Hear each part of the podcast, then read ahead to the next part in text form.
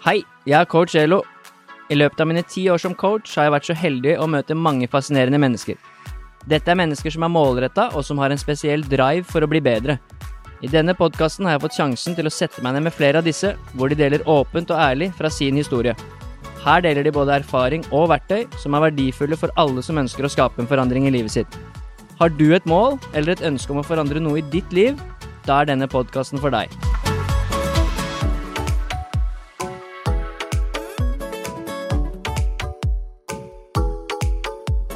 Velkommen til en ny episode av Coach Elo med gjester.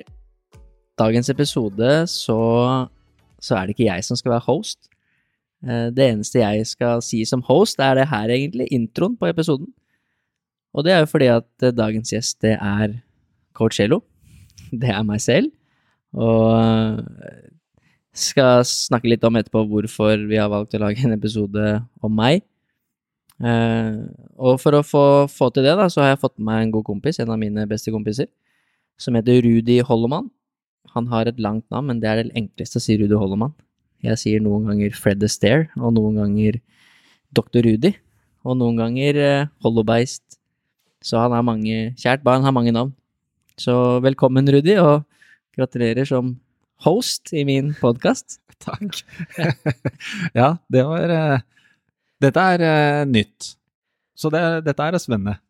Dette er veldig nytt. Jeg har eh, Vi har snakka om det her en stund, og skulle jo få gjort det her, da. Mm. Eh, og det er naturlig å tenke at du skal være host, for det tror jeg du er ganske flink til. Du er flink til å prate og du kjenner meg godt, men jeg har grua meg litt i denne episoden her.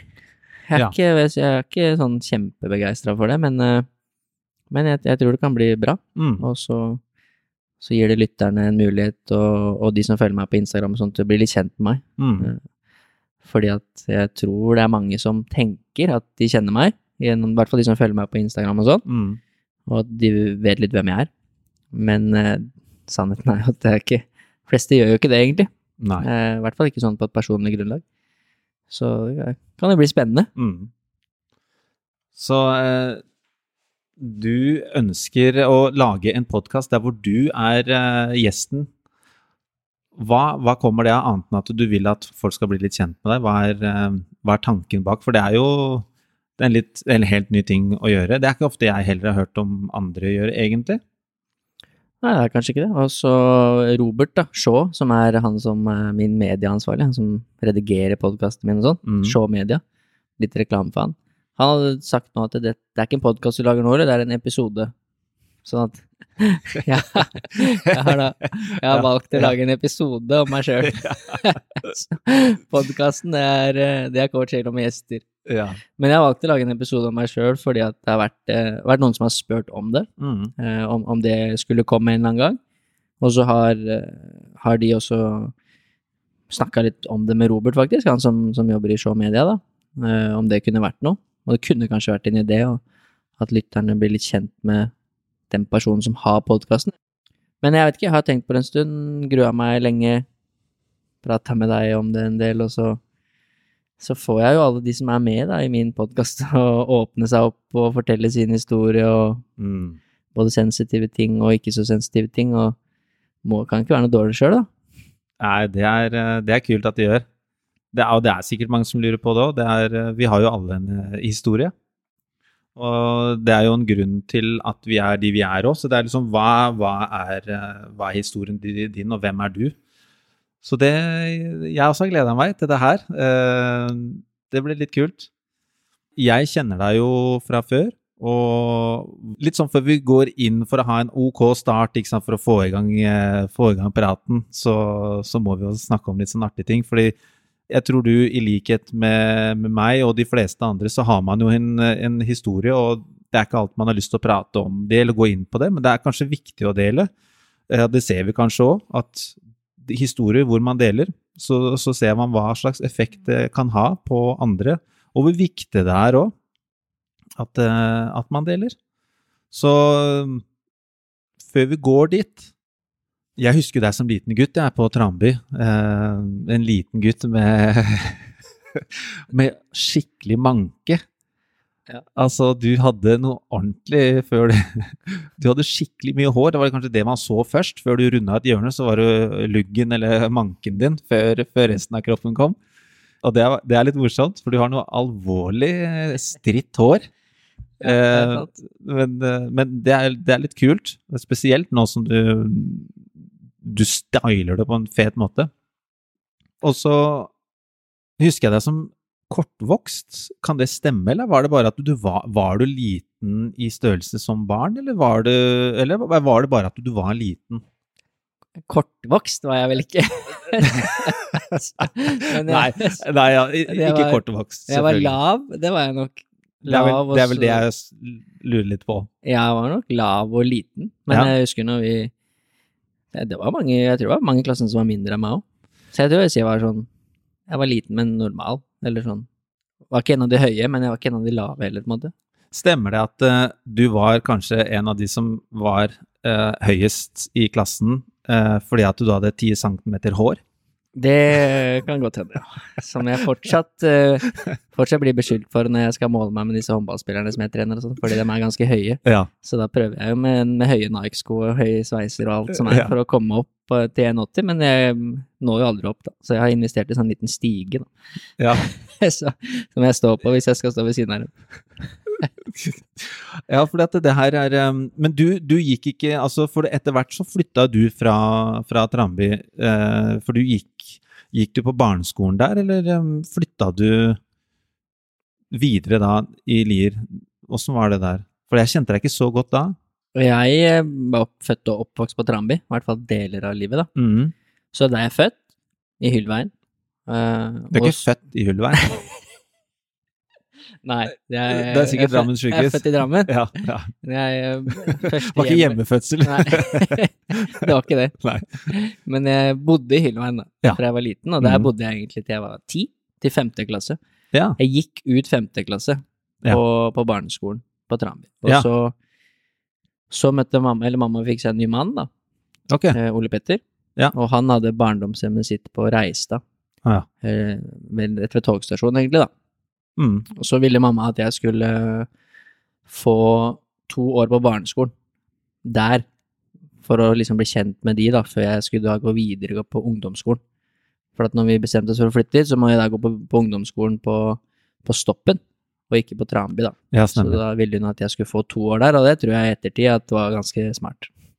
At jeg fikk eh, venner i, i sjette og sjuende klasse, Mm. som jeg ble, tok med meg da videre til ungdomsskolen, da. Mm.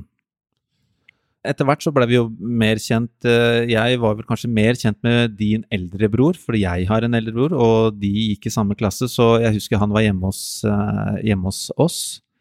Um, og så var han berykta for å være en av de kjappeste sprinterne altså, ja, på Tranby og omegn, egentlig. Helt, helt rå. Så det var jo Vi kalte den vel for um, Meet Meet, som i som, i- Han er roadrunner. ja, han tegner tegneseriefiguren, så Ja, ja. ingen får tak i. Han, og det var liksom Vi kalte den for det. Og så husker jeg en gang Jeg husker et sånn artig greie med broren din som jeg, jeg har prøvd også å si til ham i de seinere år, men han husker ikke det. Men jeg husker han kom gående ned den bratte bakken fra Hylleveien, vet du, forbi barnehagen og sånn. Og så husker jeg han kom løpende liksom mot oss, og så var det en reklame den gang da, for, for Goman, Goman salami. Og så var det Goman du-dun, du-du. Et eller annet sånt Goman altså, altså gikk han og sang på den, og det fikk jeg skikkelig hekt Altså, det, det, det brant seg inn hos meg, da. Så han gikk og sa sånn god mann. Og jeg prøvde egentlig for noen år siden å si det til han òg, liksom sånn, å, å få opp den igjen, da. Men han var ikke med på det i det hele tatt. Så, jeg, det, så når han hører det her, så kanskje han skjønner hva jeg, hva jeg dreiv med. Ja, det tror jeg var før min tid. Ja, ja, for eh, Ja, det er mulig det var det, så var du veldig liten. Ja, det er mulig. Ja, for, ja, for at uh, Kim, da, broren min, han er Kimbo, som jeg kaller han, han Ja. er jo han er elleve år eldre enn meg. Sånn at uh, Ja, da var ikke du født, faktisk. Nei, det kan nok stemme, det. Ja. Men, men det stemmer at han var kjapp, og han, han var liksom ikke bare kjapp, han var sånn helt ekstremt kjapp. Han uh, mm. tror han raskeste tiden i Tippeligaen er på en del sånne sprinttester når han spilte fotball i Tippeligaen på Godset. Mm. Var jeg husker han også på cuper i Danmark. Altså, det var helt, eh, helt rått. Helt, eh, helt unikt. Så sånn, eh, den, den kryssblandinga som dere, dere er, det, det er bra greier. Ordentlig bra greier. Jeg vet ikke, jeg, jeg, jeg er kjapp jeg også, men, men ikke sånn som han. Ikke sånn som helt ekstrem, men jeg var ganske, jeg var ganske kjapp på banen, Ja. vil jeg si. Men det er jo en atletisk, atletisk mann, altså det, det, det kommer jo ikke unna. Men hver idrett du hadde blitt med, så hadde du jo vært opp i, i, i toppen, er jeg sikker på. da. Ja, det er hyggelig, hyggelig å høre.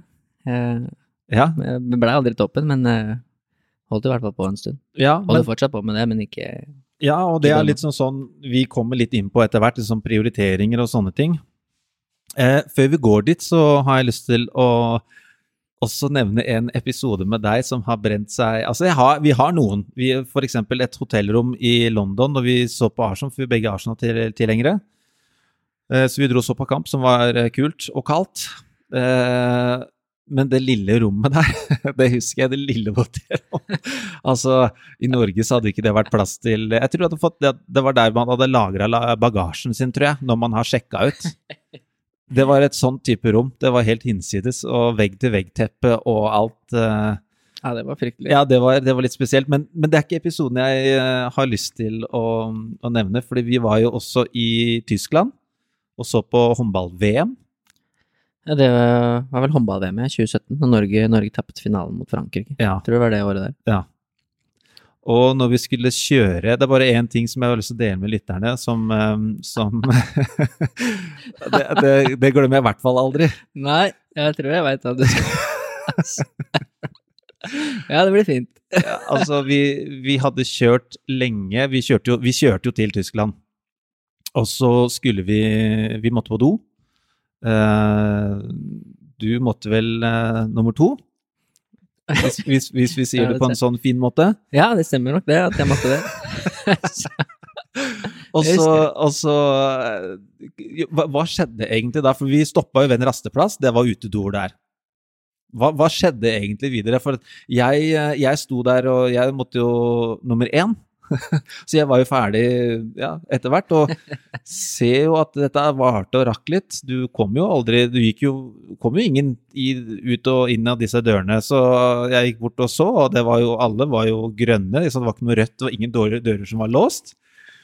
Og så ser Så hvor blir det av Ole? Og så ser, så ser jeg da en skikkelse i mørket, og så var det billysa fra veien som, som avslørte dette her, da, at det, det satt noen mellom trærne, og det var jo ikke mye Du hadde jo ikke mye å gjemme deg bak. Jeg hadde ett tre.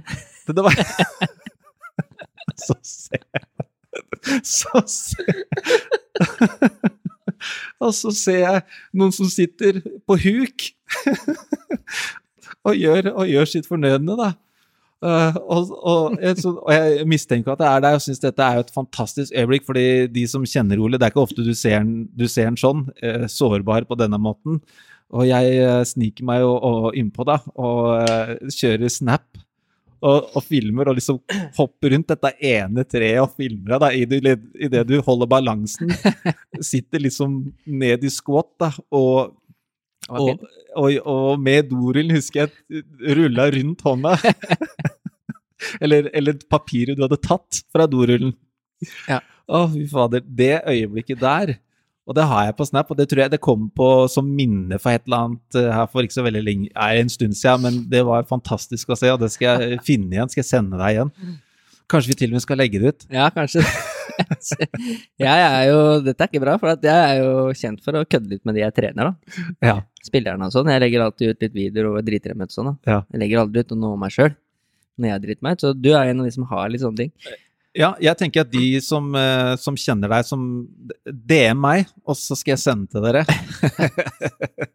Ja, for det som var at vi hadde vært eh, vi, Da hadde vi kommet til Tyskland, men vi var, eh, vi var på sånn der eh, Sånn der landsby hvor det hadde sånn merke Masse forskjellige sånn Ja. merker som var på tilbud, for det var sånn Hva heter det? Sånn, Ja, det var et sånt outlet-sted, ja, sånn outlet.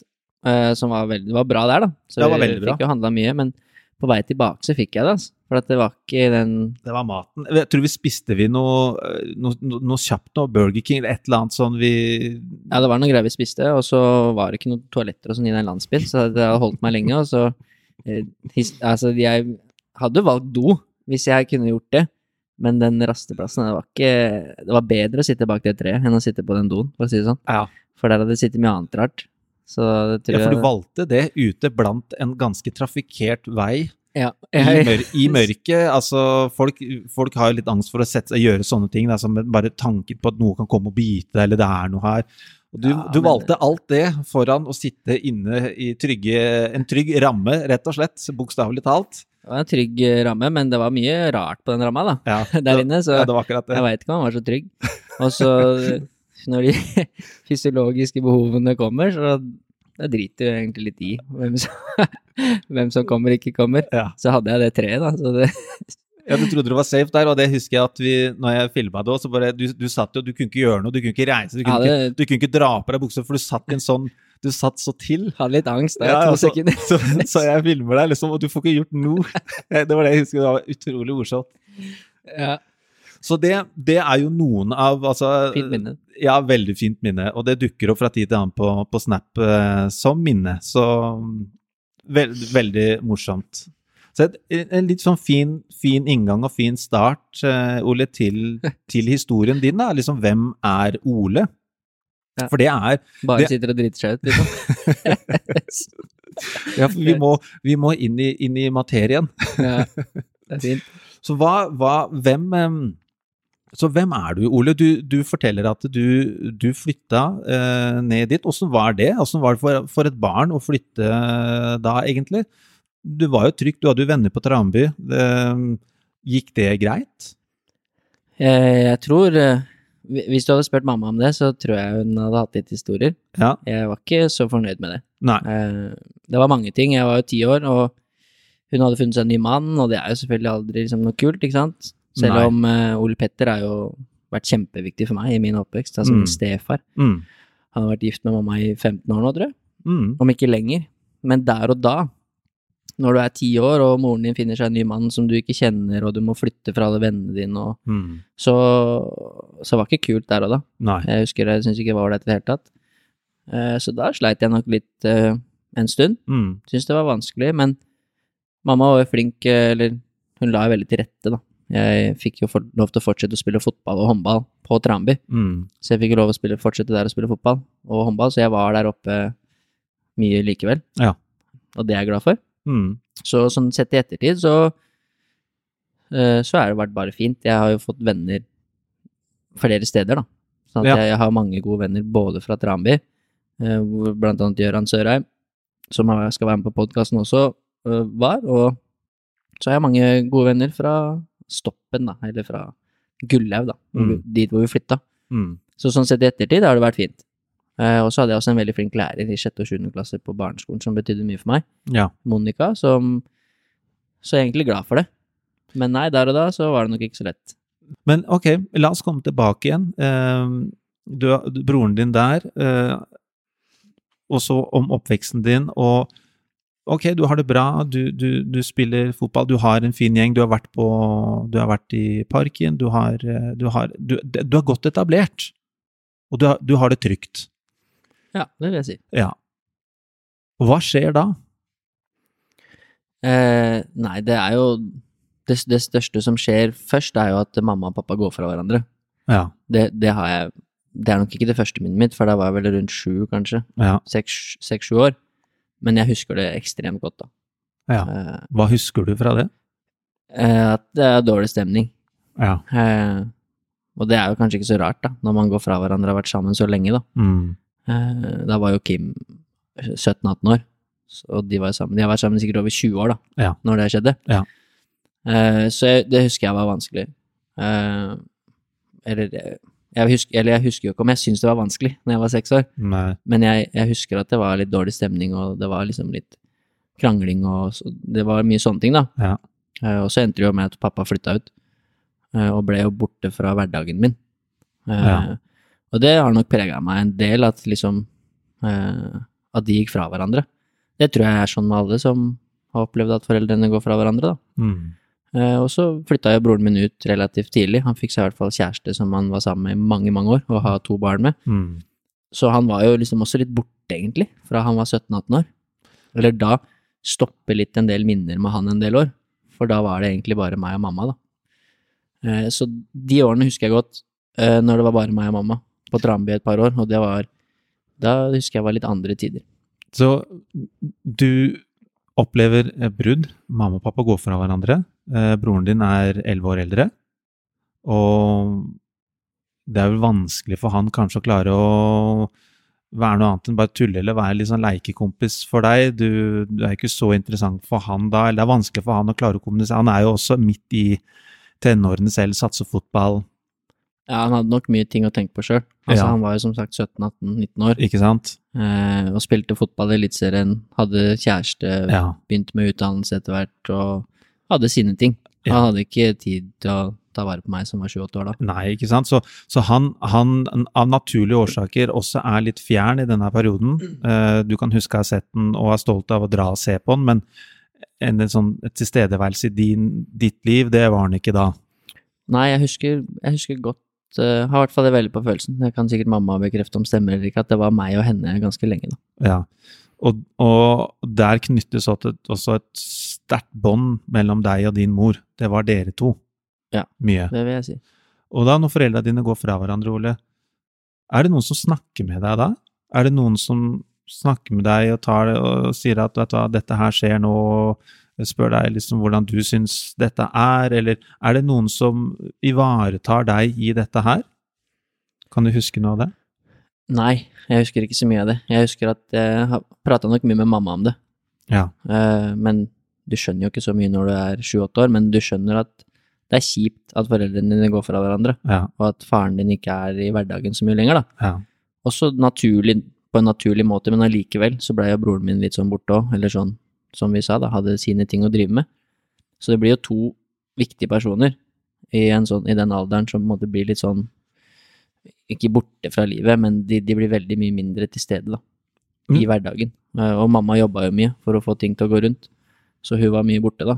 Jobba på postkontoret på Tranby. Det husker jeg veldig godt, så veldig mange visste hvem mutter'n var, for hun satt jo på posten der. Du, det husker jeg jo, for at jeg eh, var og skulle gjøre et eller annet med bankkortet mitt, og så hadde jeg trukket over kortet eller et eller annet, jeg husker ikke helt, eh, på et eller annet tidspunkt, hvor hun inndro kortet mitt på postkontoret. Ja. Så det husker jeg veldig godt, at hun jobba der. Ja, for da måtte du på postkontoret for alt. Ja, du måtte det. Eh, For å betale regninger, for å ta ut penger, for å overføre og hente pakker og alt mulig. Ja, posten var helt fantastisk. Altså, jeg må Ja. en tur på posten, og det kunne bety mye, det. Ja, ja.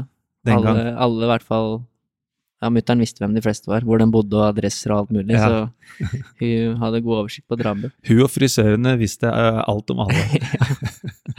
Men i hvert fall så jobba hun, hun jobba veldig mye, da. Det var ikke så lett, tror jeg. Så Og så blei jeg sjuk, som vi sikkert skal prate om etterpå, som gjør at det blir enda litt vanskeligere, da.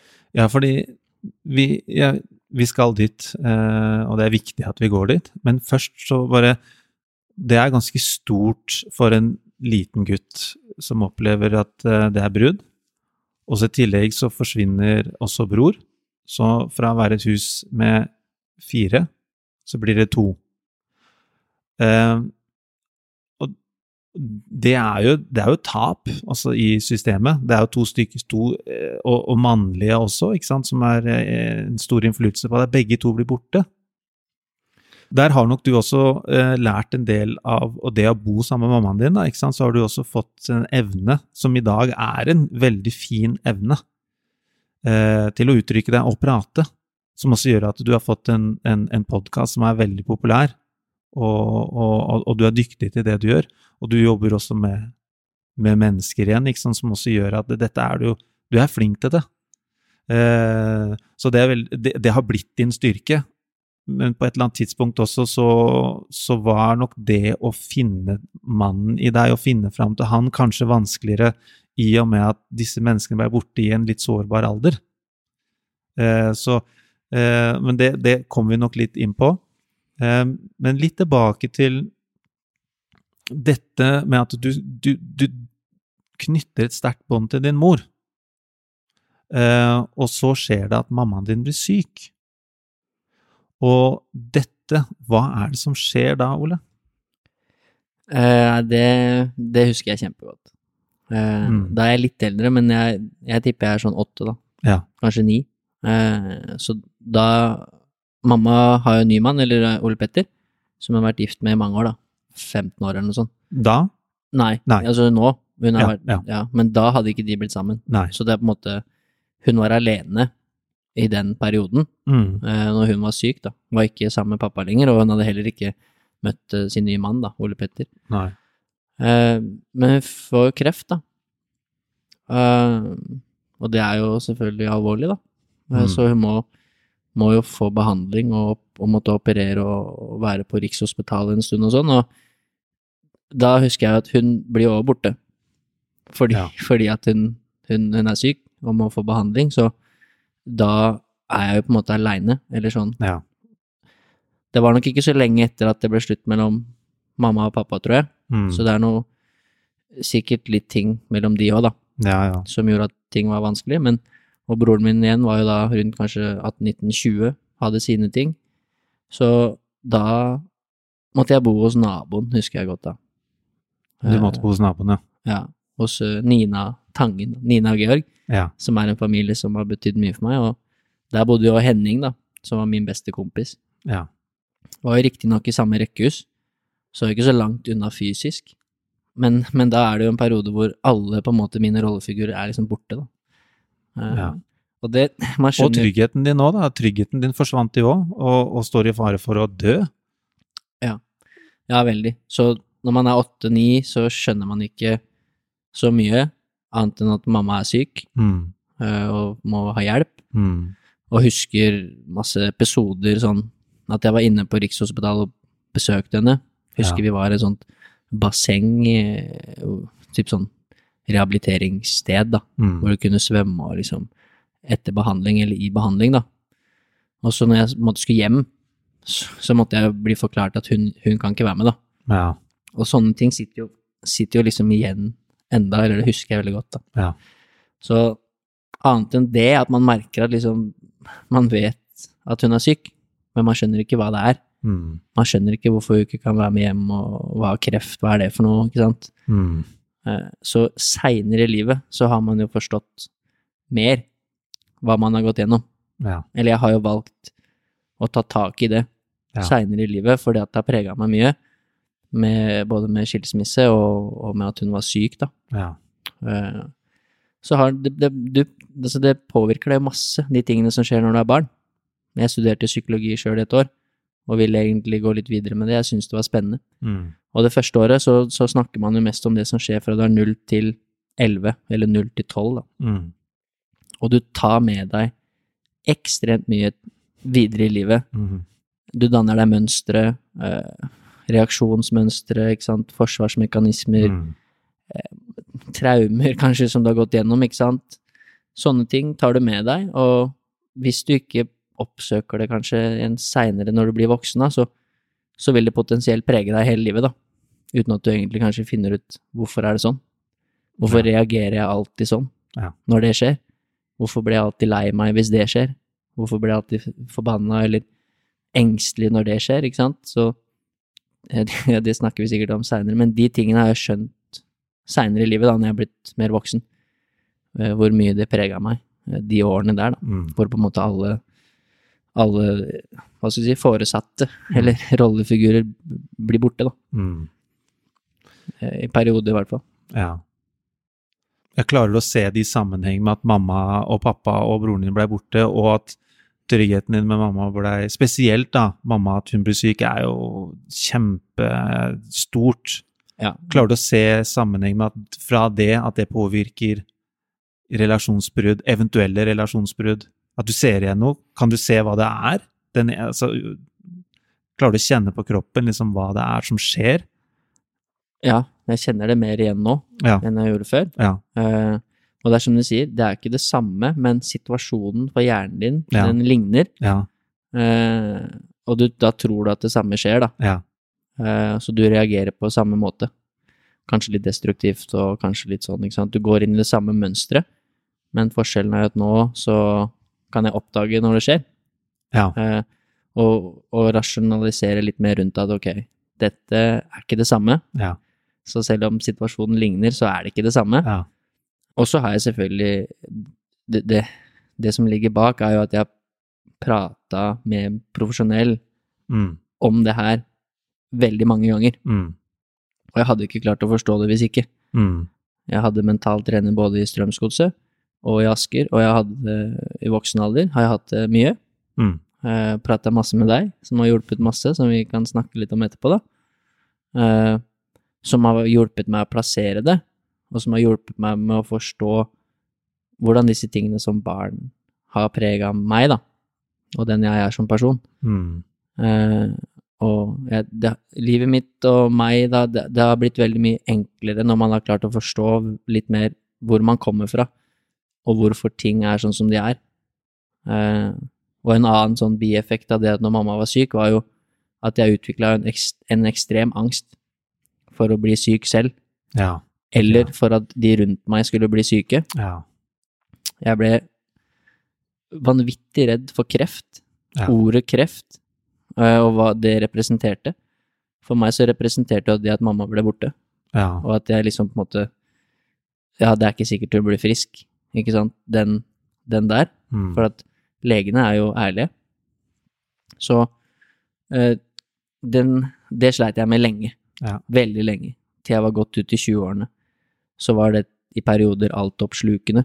Eh, og spesielt hvis det var noen rundt meg som kanskje mista noen til kreft, eller liksom at eh, Det har jeg aldri vært noe glad i. Det var faretruende nærme, liksom, når eh, noen rundt og hvis du hørte om det, så var det Ja. fy faen. Da trodde jeg alltid at jeg hadde det sjøl, eller at det var noen andre rundt meg som kanskje hadde fått det, og det blei bare en, en ekstrem redsel og angst for, for kreft, selv om jeg kanskje ikke til og med visste hva det var for noe i starten av tenårene. Eh, og det utvikla seg liksom videre til å bli en angst da, som var veldig vanskelig å takle. Og Og dette er mange år òg. veldig mange år. Ja. Eh, det husker jeg. Mamma kan sikkert, eh, kunne sikkert fortalt historier fra når jeg var 10, Ja. 11, altså årene etter hun var syk. ja. Vi var masse på sykehuset fordi at jeg var overbevist om at jeg var sjuk. Å ja, så ikke, ikke for henne, men du ja. måtte undersøkes for at du fikk ro, så måtte du hadde masse undersøkelser, bilder av hodet og masse ting, da. Oi. Eh, For at jeg var helt sikker på at jeg hadde fått kreft, men jeg visste jo ikke hva kreft var. Bare at det var farlig. Nei, men det er Eh, helt klart at du, dette her er- gikk jo kjempe inn på deg. Ja, det gjorde det, og så har jeg jo prata med folk senere også som har, har hatt foreldre som har hatt kreft, eller som kanskje har mista noen nære til kreft, av Mm. hvordan det påvirker. Mm. Det kan utløse forskjellige ting, da. Mm. Men eh, for meg som barn, å ikke forstå helt hva det var, utløste det, og det prega meg lenge. Og grunnen til at det prega meg så lenge, er jo for at ikke jeg forsto hvorfor, hvorfor jeg var så redd. Jeg skjønte ikke det. Jeg skjønte ikke at det var fordi mamma hadde vært syk og alle de Skal kall, kall det traume, da, når hun ble syk og borte. ja, ja. Eh, det skjønte jeg ikke før jeg var voksen og fikk en mentaltrener i Strømsgodset som plukka litt opp at disse tingene bør vi prate om. Eh, og da var da det begynte, når jeg var 17-18, da, og brukte mentaltrener der.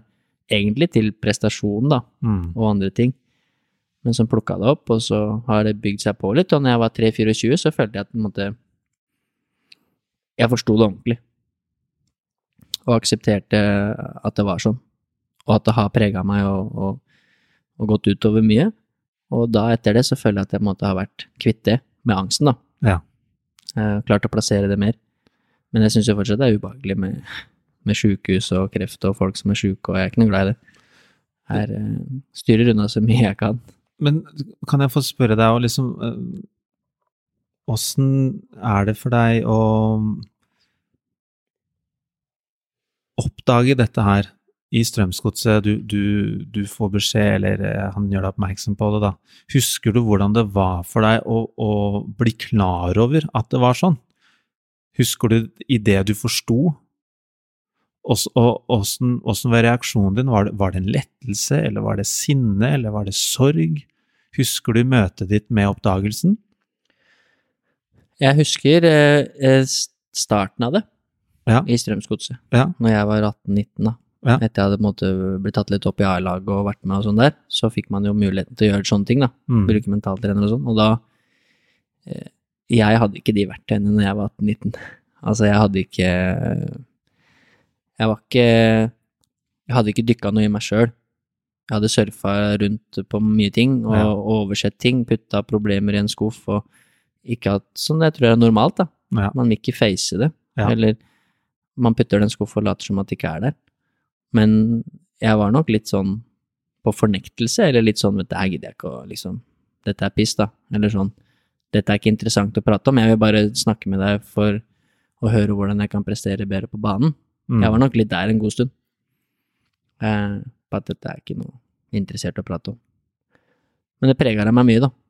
Ja. Og så, når jeg brukte mentaltrener videre og sånn, så blei det plukka litt opp videre. Og når jeg blei 2-23, så tok jeg mer tak i det. Ja.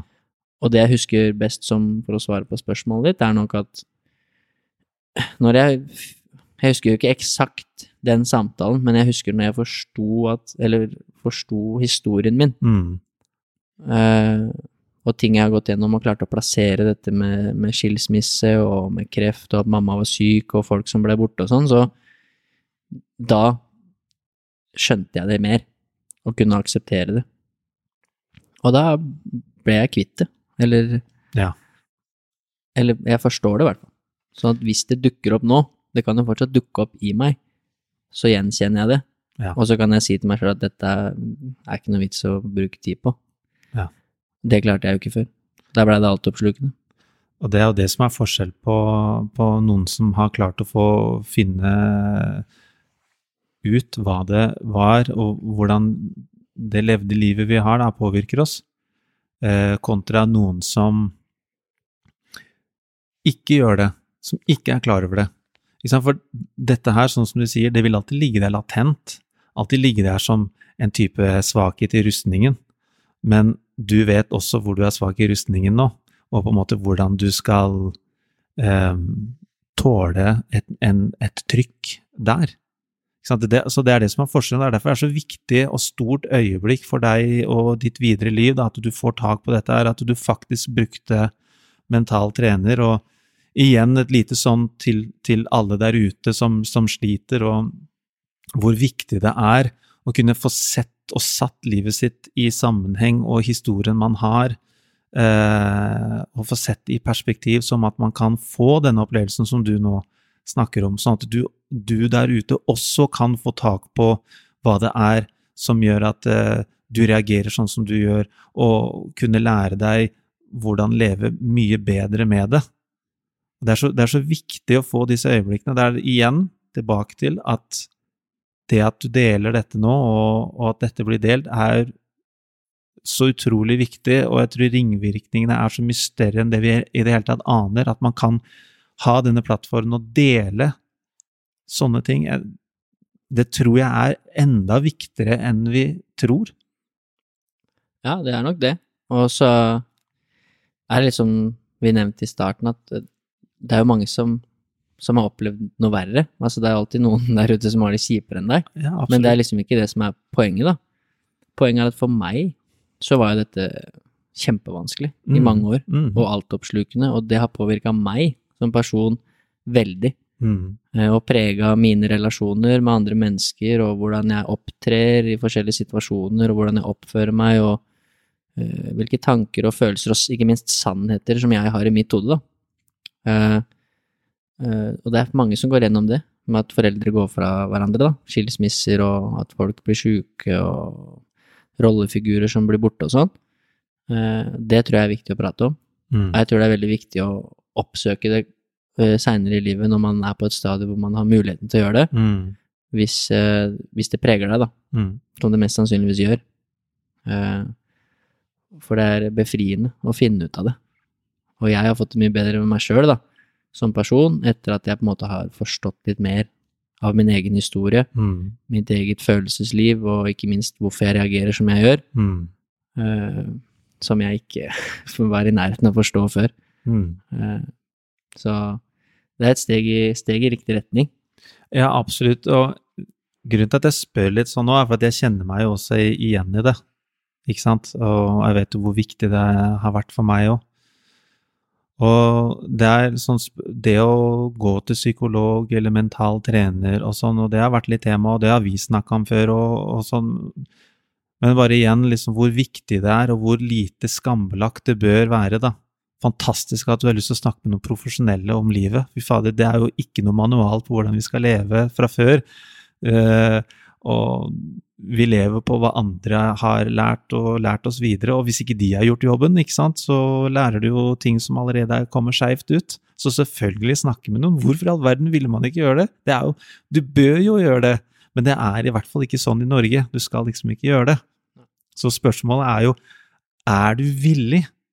Er du villig til å ta jobben? Er du villig til å se deg i speilet? Og er du villig til å se Ved å se deg i speilet, så ser du også foreldrene dine og deres foreldrene og deres foreldre, og så kan du kanskje stoppe noe som har pågått i generasjon på generasjon på generasjon. Det kan stoppe hos deg, men er du villig til å ta jobben? For én ting er sikkert, er at det gjør utrolig vondt å gjøre det, men gevinsten er enda større enn det, enn at du blir fri, og du kan leve på en måte det livet du ønsker. Da. Være i hvert fall i, i, i, større nærhet av å kunne komme i nærheten av det du ønsker deg. Og det er jo gevinsten i det. Så er du villig? Og, det, og du sier noe om det, at du var villig. Jeg var det etter hvert. Eh, og jeg har vært heldig å ha bra mennesker rundt meg også, på riktige tidspunkter i livet. Eh, og så har det alltid ligget litt sånn i meg, jeg har alltid oppsøkt litt sånn øh, Jeg vil forstå følelsene mine, hvorfor er det sånn? Mm. Hvorfor føler jeg sånn? Hvorfor har jeg de tankene her? Mm. Eh, alltid vært litt sånn opptatt av å prøve å finne ut av det, mm. men har liksom aldri klart å finne fram til svarene sjøl. Eh, så jeg tror det handler også litt der om å, å finne en, en, psykolog eller mental trener som passer litt for deg. Absolutt. Eh, og jeg var heldig som ble anbefalt Lars, som er ekstremt flink. Mm. Og så har jeg prata veldig mye med deg, som har hjulpet meg masse. Eh, som nesten har betydd like mye som det med Lars, eller kanskje egentlig mer. Men Lars har jo liksom Han klarer å sette ting i perspektiv og fortelle ting på en litt annen måte, siden han jobber med det og er profesjonell. Mm. Du er jo også på vei til å bli det, men det har hjulpet meg mye. Og en ting, eh, en ting som jeg husker at du sa, da, det er jo det at eh, alt som er verdt noe, da, det jo mm. du som sa til meg. Mm. Alt som er verdt noe, det koster noe. Eh, og jo mer det er verdt, jo mer koster det ofte. Mm. Eh, og sånn er det. Om ikke det er et motto, så er det i hvert fall noe som har slått meg veldig, da, og liksom satt seg veldig fast i meg. Og det stemmer for meg på så veldig mange områder. Ja. Alt fra min jobb med toppidrett da, til at har du lyst til å bli liksom ordentlig god, og blant de aller beste, så koster det enormt mye. Mm. Og det er ikke nødvendigvis så jævla gøy, da. Det er ikke gøy i det hele tatt. Det er vondt, det koster masse. Det er blod, svette og tårer og alt det greiene der. Eh, og det å finne ut mer om deg sjøl, og dykke inn i kanskje ting som er kjipt, da. Ja. Opplevelser, traumer, brudd, eh, sorg, folk du har mista og alt sånn, og forstå all, alle de tingene der, det er vondt. Ja. Så det Jeg brukte jo veldig lang tid på å finne ut av det her. Ja. Og jeg har gått fra mange samtaler med Lars, eh, hvor jeg har følt følt meg skikkelig dritt, da. Eller vært lei meg. Frustrert. Oppdaga ting om meg sjøl som er sånn Ja, dette stemmer jo.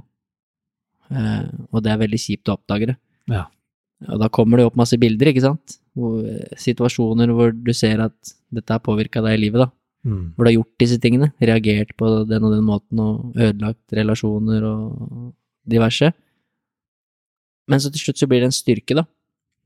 Eh, når du forstår det. Og så kan du etter hvert akseptere at det er sånn.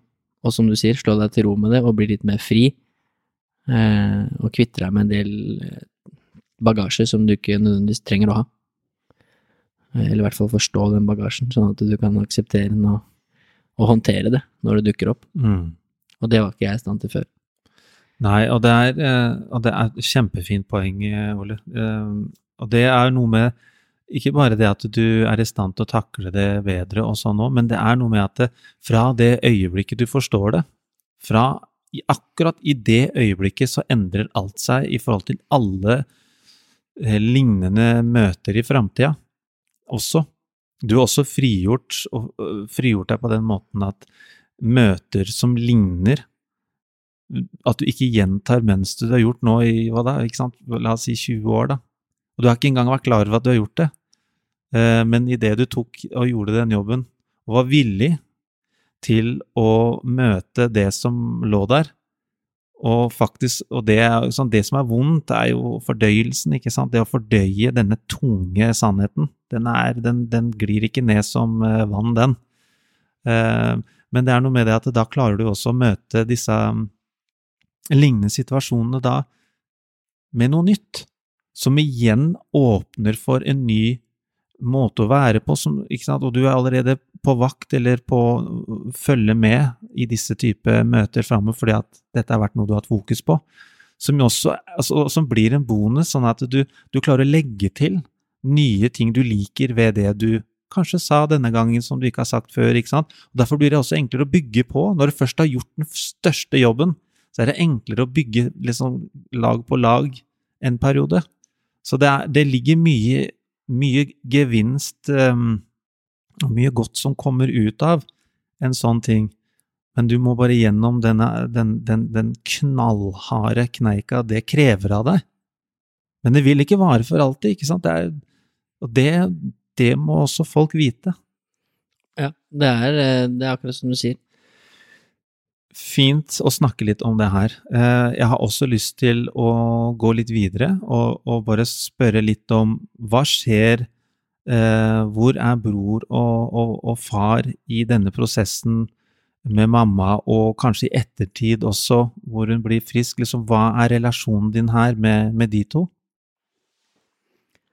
Eh, nei, jeg, jeg syns jo at min relasjon med broren min eh, har liksom alltid vært bra. Det har aldri vært en dårlig relasjon, men den Mm. bare har ikke vært så nære. Eh, hvis jeg kan Jeg ser for eksempel, jeg har en bestekompis som heter André, da, Mm. som har to brødre, Einar og Henrik, og der skiller det typ et par år mellom alle sammen, da. Altså, det, det forholdet som de har til hverandre, er veldig annerledes fra det forholdet jeg har til broren min, som er elleve år eldre. Altså, de er mye tettere, da. Så jeg vil si at jeg har et veldig bra forhold til Kim, men i den tida der så var det ikke så tett, eller nære, eller vi var jo ikke så mye sammen. Når jeg var 12-13-14, så var jo han 23-24-25 og dreiv med masse ting i livet, studerte og ute og reiste Ja. og kjæreste og fikk barn etter hvert.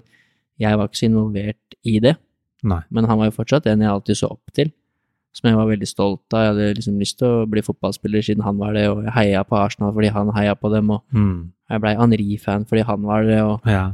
Jeg liker den samme musikken som han liker, og ikke sant? arva klærne hans og ja, ja. alt det der. Så det har vært et forbilde. Men eh, når jeg var tenåring, så var jo ikke han var ikke en person jeg kunne på en måte prate med Nei. om ting. Eh, for han var jo ikke der heller, på den måten, da. Han hadde på en måte sitt eget liv. Ja, ja. Men den relasjonen har jo blitt nærere når vi er blitt voksne, da. Fordi når, når jeg ble voksen, så hadde vi litt mer like interesser, da. Kan vi gå ut og ta en øl sammen, liksom, eller liksom gjøre ting på, på samme nivå, da, eller nå er vi, skjønner jeg mener? Noe som dere alltid gjør når du er i byen, når du kommer til Drammen, og spesielt når du var eh, i Kristiansand, da. Og det, det jeg vet ikke om du har tenkt over, i hvert fall noe jeg har lagt meg til hver gang, så drar dere og tar kebab. Hver, Det er noe dere Skal vi møte Ja, ja, vi stikker og tar en kebab, liksom. Der, der møtes dere. Det, det skjer mye. Er, er det bare no, en observasjon som ikke helt stemmer, eller, eller er det sånn? Nei, det stemmer nok. Vi gjør det ofte. Ja, det, det er liksom Det er da du skeier ut, du klinker til med en kebab. Ja, kebab er fantastisk. Ja. Men eh, det også lærte jeg av broren min. da. Ja. Han spiste mye kebab fra Snappis når jeg var liten. Ja. Så jeg begynte vel å spise kebab når jeg var 10-11 år, Ja, på grunn av han. ja, ja, ja ikke sant? Eh, og de få gangene jeg har bilder av at jeg var besøkt av han i leiligheten hans som han bodde i Drammen og sånn, da, når jeg var sikkert en 12-13-14, Ja. så spiste vi alltid kebab, da. Og det husker jeg godt, da. Eh, fra Snappis, samme sted. Men ja, også fattern, han blei jo sånn helgepappa, da, siden han flytta ut. ja. Så han blei jo Han blei borte fra hverdagen og var ikke der så mye. Så jeg var jo sånn annenhver helg. Eh, og det er jo Det var fint. Eh, har masse gode minner med ting som vi gjorde. Og det er jo typisk at i helgene så gjør man jo litt ting Mm. som man husker, da. Så vi var masse ute og gikk på ski. Vi var og spilte innebandy med Old Boys, vi var og svømte på stoppen, og vi spilte fotball i hagen og var ekstremt aktiv når jeg var hos pappa. Så er det noe jeg kan takke han for, så er det i hvert fall det at jeg har blitt så aktiv, da. For han var ekstremt flink til å få meg ut og gjøre ting. Eh, Kondisjonen min og alt sånt, det har jeg fått på grunn av han. Mm. måtte ut og kjøre intervaller sammen med han på ski og løp og sykkel og alt som var. Mm. Um, Så men den fysiske delen, den, der fostra han deg godt og viste og gikk foran som ek eksempel. Ja, for de som kjenner fattern, så er han jo eh, vanvittig eh, aktiv. Han trener jo nesten mer enn meg. Eller jeg er sikker på at han trener mer enn meg i antall timer. For at han driver med mye ting som tar lang tid, da. Sykkel og ski og sånn. Eh, Og nå er han jo pensjonist, så han trener jo nesten to ganger om dagen av og til. For å få tida til å gå. Mm. Så den aktiviteten kan jeg nok takke han mye for. Det husker jeg har masse bilder av at jeg syns var gøy, da. Mm. Men samtidig så Det er fint å ha en helgepappa. Man gjør mye kult sammen. Men så er det flere ukedager, da. Det er flere ukedager enn helger. enn ja, ja. helger. Mm. Og så er det annenhver helg òg. Sånn at mange av de viktige stundene i livet er, han jo borte fra. Mm. Når jeg kommer hjem fra skolen, eller altså, ting som skjer i hverdagen, da. eh, Når ting er kjipt. Sånn at jeg så jo ikke han mer enn kanskje fem, seks, sju dager i måneden. Og da er det jo over 20 dager jeg ikke ser han. Så eh, det er jo Det har jo prega på en måte det òg. Men også han har jeg fått et veldig, veldig godt forhold til i voksen alder. Og akkurat nå et, er jeg kjempeglad for det forholdet jeg har til pappa. Og han bor jo rett borti her. Kan du se bort på verandaen hans. Så han har også blitt en person som jeg kan prate med, og som kan ringe og snakke mye med, og gå tur med, og gå bort og ta en kaffe hos, og ikke sant. Eh, Som ikke var så mye når jeg var liten, da. Jeg vil også si noe om, bare når vi er innom temaet, det at eh, I hvert fall for min egen del, og det er ikke sikkert det gjelder deg, Ole, men jeg, jeg hadde jo annenhver helg hos min far. Det også var skilsmisse da, og, og sånt noe. Og det var alltid så gøy å stikke til pappa, for det skjedde ting. Han var flink til å dra oss med ut i skauen, han lagde husker, og jeg fikk min egen kniv når jeg absolutt ikke burde var gammel nok til å spikke, og jeg gjorde mye gærent, da. Men, men han, det var utrolig gøy å stikke dit, det var alltid noe som skjedde. Um, så jeg hylla han litt for det. Ikke? Annenhver helg. Ikke? Hvor, det ser jeg det som voksen, hvor lett er det ikke å være det i da to og en halv dag? Være kul. Og så var jeg litt sånn kjip mot mutter'n og egentlig tenkte at hun var kjedelig, og du gjør ikke så mye gøy med oss og sånn. Og, og jeg ser det jo selvfølgelig nå, og, for mange år siden, liksom at det var skikkelig dårlig gjort overfor mamma. Det, mamma var der hele veien, hun. Og, og viste kjærlighet og gjorde absolutt det beste hun kunne, og hadde to jobber og liksom Og jeg syns det Jeg bare lyst til å si noe om det i forhold til mødre. Fy fader, mødre er viktig, altså. De, en liten hyllest til, til alle mammaer der ute. For dem, eh, de fortjener absolutt det. Jeg hadde bare lyst til å si det. Ja, det er litt kult at du sa, fordi det kjente jeg på veldig sjøl. Ja. Veldig. Ja. Jeg flytta til og med til fatter'n når jeg var 15, Ja. og var litt sånn rebell, da. Ja. Fordi at jeg mente det var kulere å bo der, Ja. og var litt kjip mot mutter'n. Eh, som jeg er veldig lei meg for i ettertid, da. Men det er jo igjen, det er flere hverdager enn det er helger, mm. og spesielt når det er annenhver helg. Eh, derfor så husker jeg alle de tingene med fattern veldig godt. Jeg husker at vi var og spilte innebandy og svømte etterpå. Jeg husker at vi spiste egg og bacon hver søndag.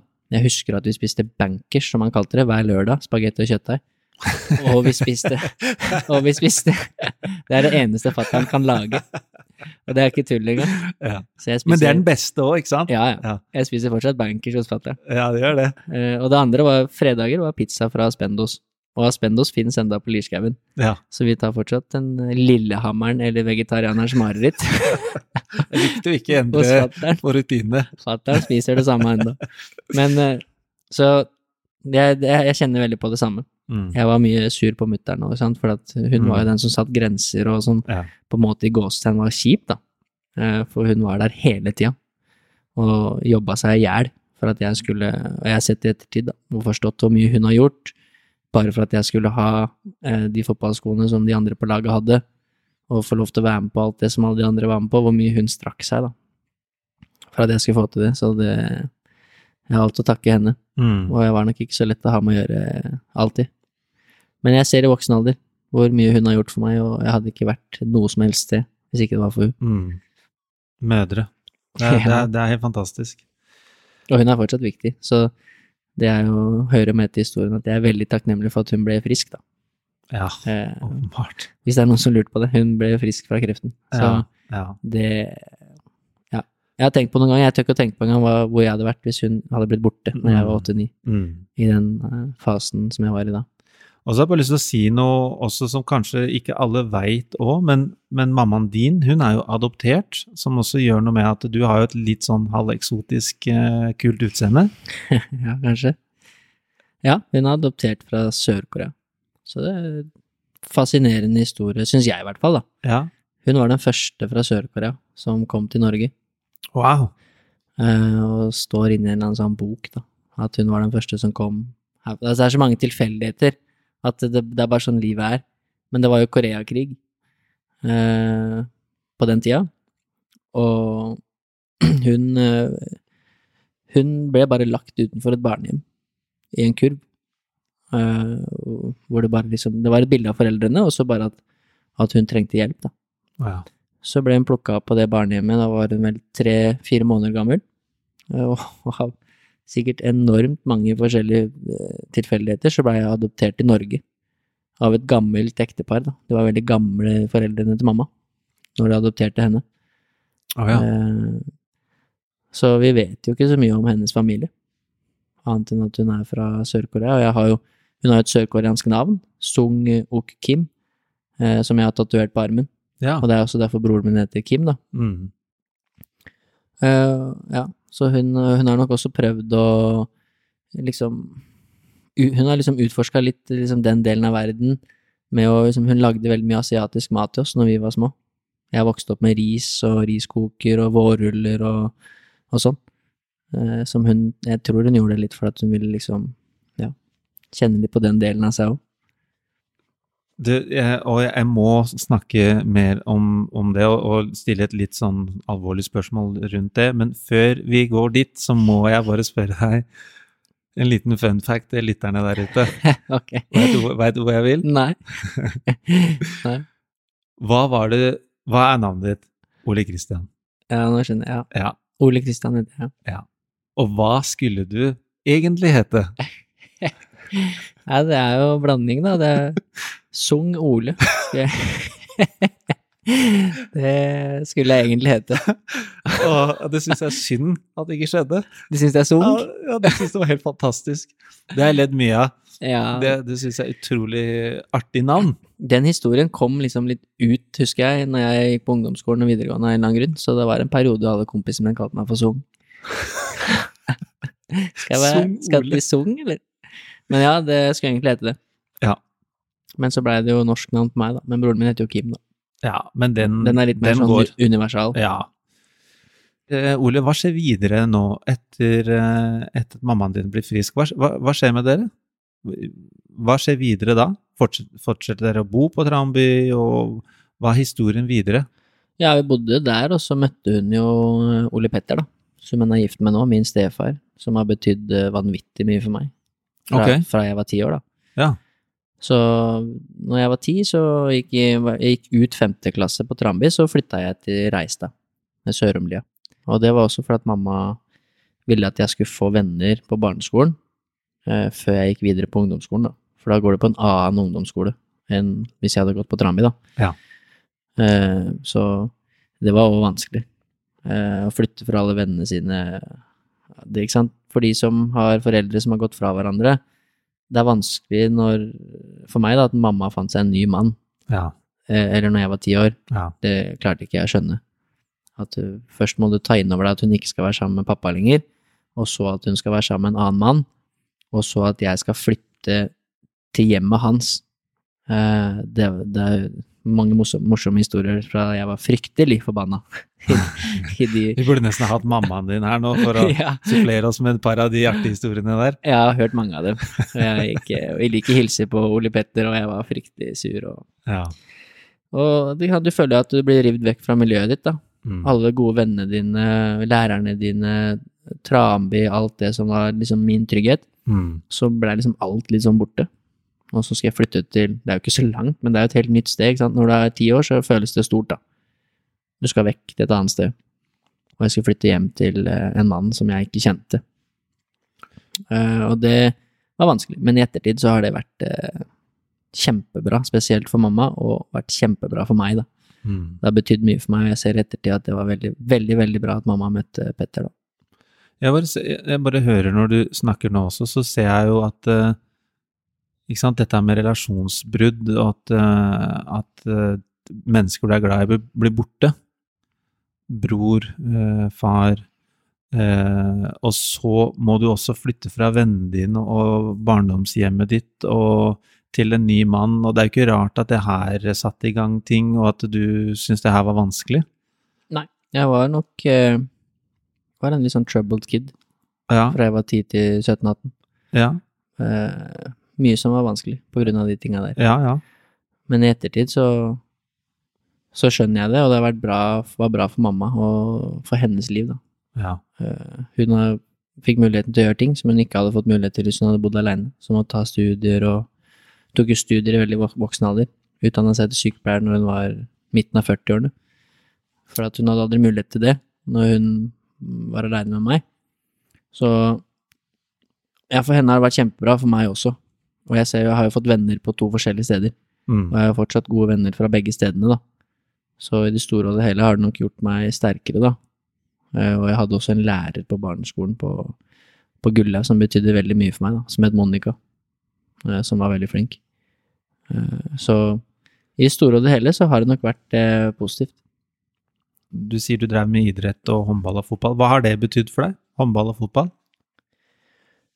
Eh, Veldig mye. Mm. Eh, Spesielt i tenårene, tror jeg, når man blir sånn ungdom, da, når man begynner på ungdomsskolen og videregående og sånn, Mm. eh, hvor det liksom eh, blir liksom viktig å begynne å hevde seg, ikke sant, og være litt populær og prøve å finne din plass, da. Eh, så, så betydde fotball, håndball òg, da, men jeg slutta med håndball da jeg var 17, var sånn ok, ganske bra i håndball også, men eh, var veldig mye bedre i fotball, da. Så når jeg kom inn på Strømsgods og sånn, så, så valgte jeg fotball da jeg var 16, 15-16, men det betydde alt eh, for selvtillit og, og det å ha en arena hvor jeg var god, da. Mm. Hadde en arena hvor jeg kunne prestere. Mm. Eh, og jeg var Jeg har spilt fotball siden jeg var to år. Og det er nok en av grunnene til at jeg, at jeg ble god, da. Jeg spilte fotball hele tiden. Ja. Og folk ler av meg enda. At jeg liksom noen ganger fortsatt eh, Når jeg går tur, eller Så har jeg med meg fotball, da. Bare Ja. går og, og fører den, og, og trikser med den og sånn. Sånne ting gjør jeg enda, og det har jeg gjort hele livet. Så jeg var liksom på ungdomsskolen og videregående sånn naturlig god til å spille fotball. Men når jeg var 15-16, så, så var jeg bedre enn alle de andre på laget, på en måte. Men ikke fordi at jeg gjorde så mye for det, eller fordi at jeg hadde noen drøm om å bli fotballspiller og sånn, det er bare at jeg jeg vet ikke, har, har gode gener og var litt sånn naturtalent og hadde spilt mye fotball. Mm. Eh, så jeg fant ut i seinere tid at det viktige for meg var å ha den arenaen å prestere på, Ja. og hevde meg litt på, da. Blei litt sånn populær og fikk litt status i, i vennegjengen og sånn, fordi at jeg var god til å spille fotball, og kom inn på Strømsgodset og sånn. Eh, så det var mer det, når jeg ser tilbake på det nå, enn, og at jeg syntes det var gøy å spille fotball, enn at jeg hadde noe ønske om å bli så veldig god. Ja. Og når jeg ser den jobben eh, som de spillerne som jeg følger opp, legger ned nå, Mm. sånn som i Vipers når jeg var der, og i Storhamar nå, eh, jeg var ikke i nærheten av det. Nei. Av de som på en måte er blant de beste i verden på det de driver med. Å se den jobben og dedikasjonen de legger ned for å bli bedre. Jeg var ikke i nærheten av det. Jeg var nok en som fløyt litt mer. Mm. Jeg trente mye, masse, trente hele tida, men satt meg aldri noen sånne spesifikke mål om at jeg skal bli god på det her og Hvorfor, hvorfor gjorde du ikke det, tror du? Det er jo ofte en drøm de aller fleste guttunger som starter med fotball, har. Hvorfor, hvorfor tror du du ikke hadde en drøm om å bli det? Jeg hadde nok en drøm om å bli fotballspiller. Jeg trodde i hvert fall at jeg hadde en drøm om det. Ja. Eh, Så jeg la jo ned enormt mye tid på det. Eh, Men det er sånn jeg ser tilbake på det òg, de årene mine i Strømsgodset, når da jeg var 17-18, og jeg kanskje var på mitt beste, da, og spilte farlaget og fast i andredivisjon og, og spilte litt sånn litt sånn kamper her og der for A-laget, men jeg syns ikke det var noe kulere enn å spille med Lier IL. Jeg syns ikke det var noe kulere enn å spille med Birkebeineren i tredje divisjon i IBK, når jeg spilte, jeg spilte med deg, da. Eller når vi spilte sammen i Steinberg i fjerde divisjon. Så jeg har funnet ut i seinere tid at det er ikke nivået eller som var viktig for meg. Det var mer å ha en arena hvor jeg kunne prestere og føle at jeg var god, og mestring. Eh, det samholdet, da, Mm. som man får, det å være liksom Igjen det med trygghet, da, som vi var inne på fra jeg var barn. Å ha mennesker rundt meg. Være en del av et lag, da. Mm. Eh, det var viktigere for meg. Og Mm. det har jeg skjønt i ettertid, hvorfor fotballen var så viktig, da. Eh, så, så var jeg jo ganske bra. Jeg kom jo et stykke. Men jeg kom nok ikke helt opp. Jeg var veldig nære ved å liksom spille eliteserie, men jeg kom nok ikke dit nettopp på grunn av at det egentlig var ikke så viktig for meg. Så jeg gjorde ikke den nødvendige jobben da, Mm. for å ta det steget der. Ok, hva, så du er i godset, og på et eller annet tidspunkt der så velger du å bytte klubb.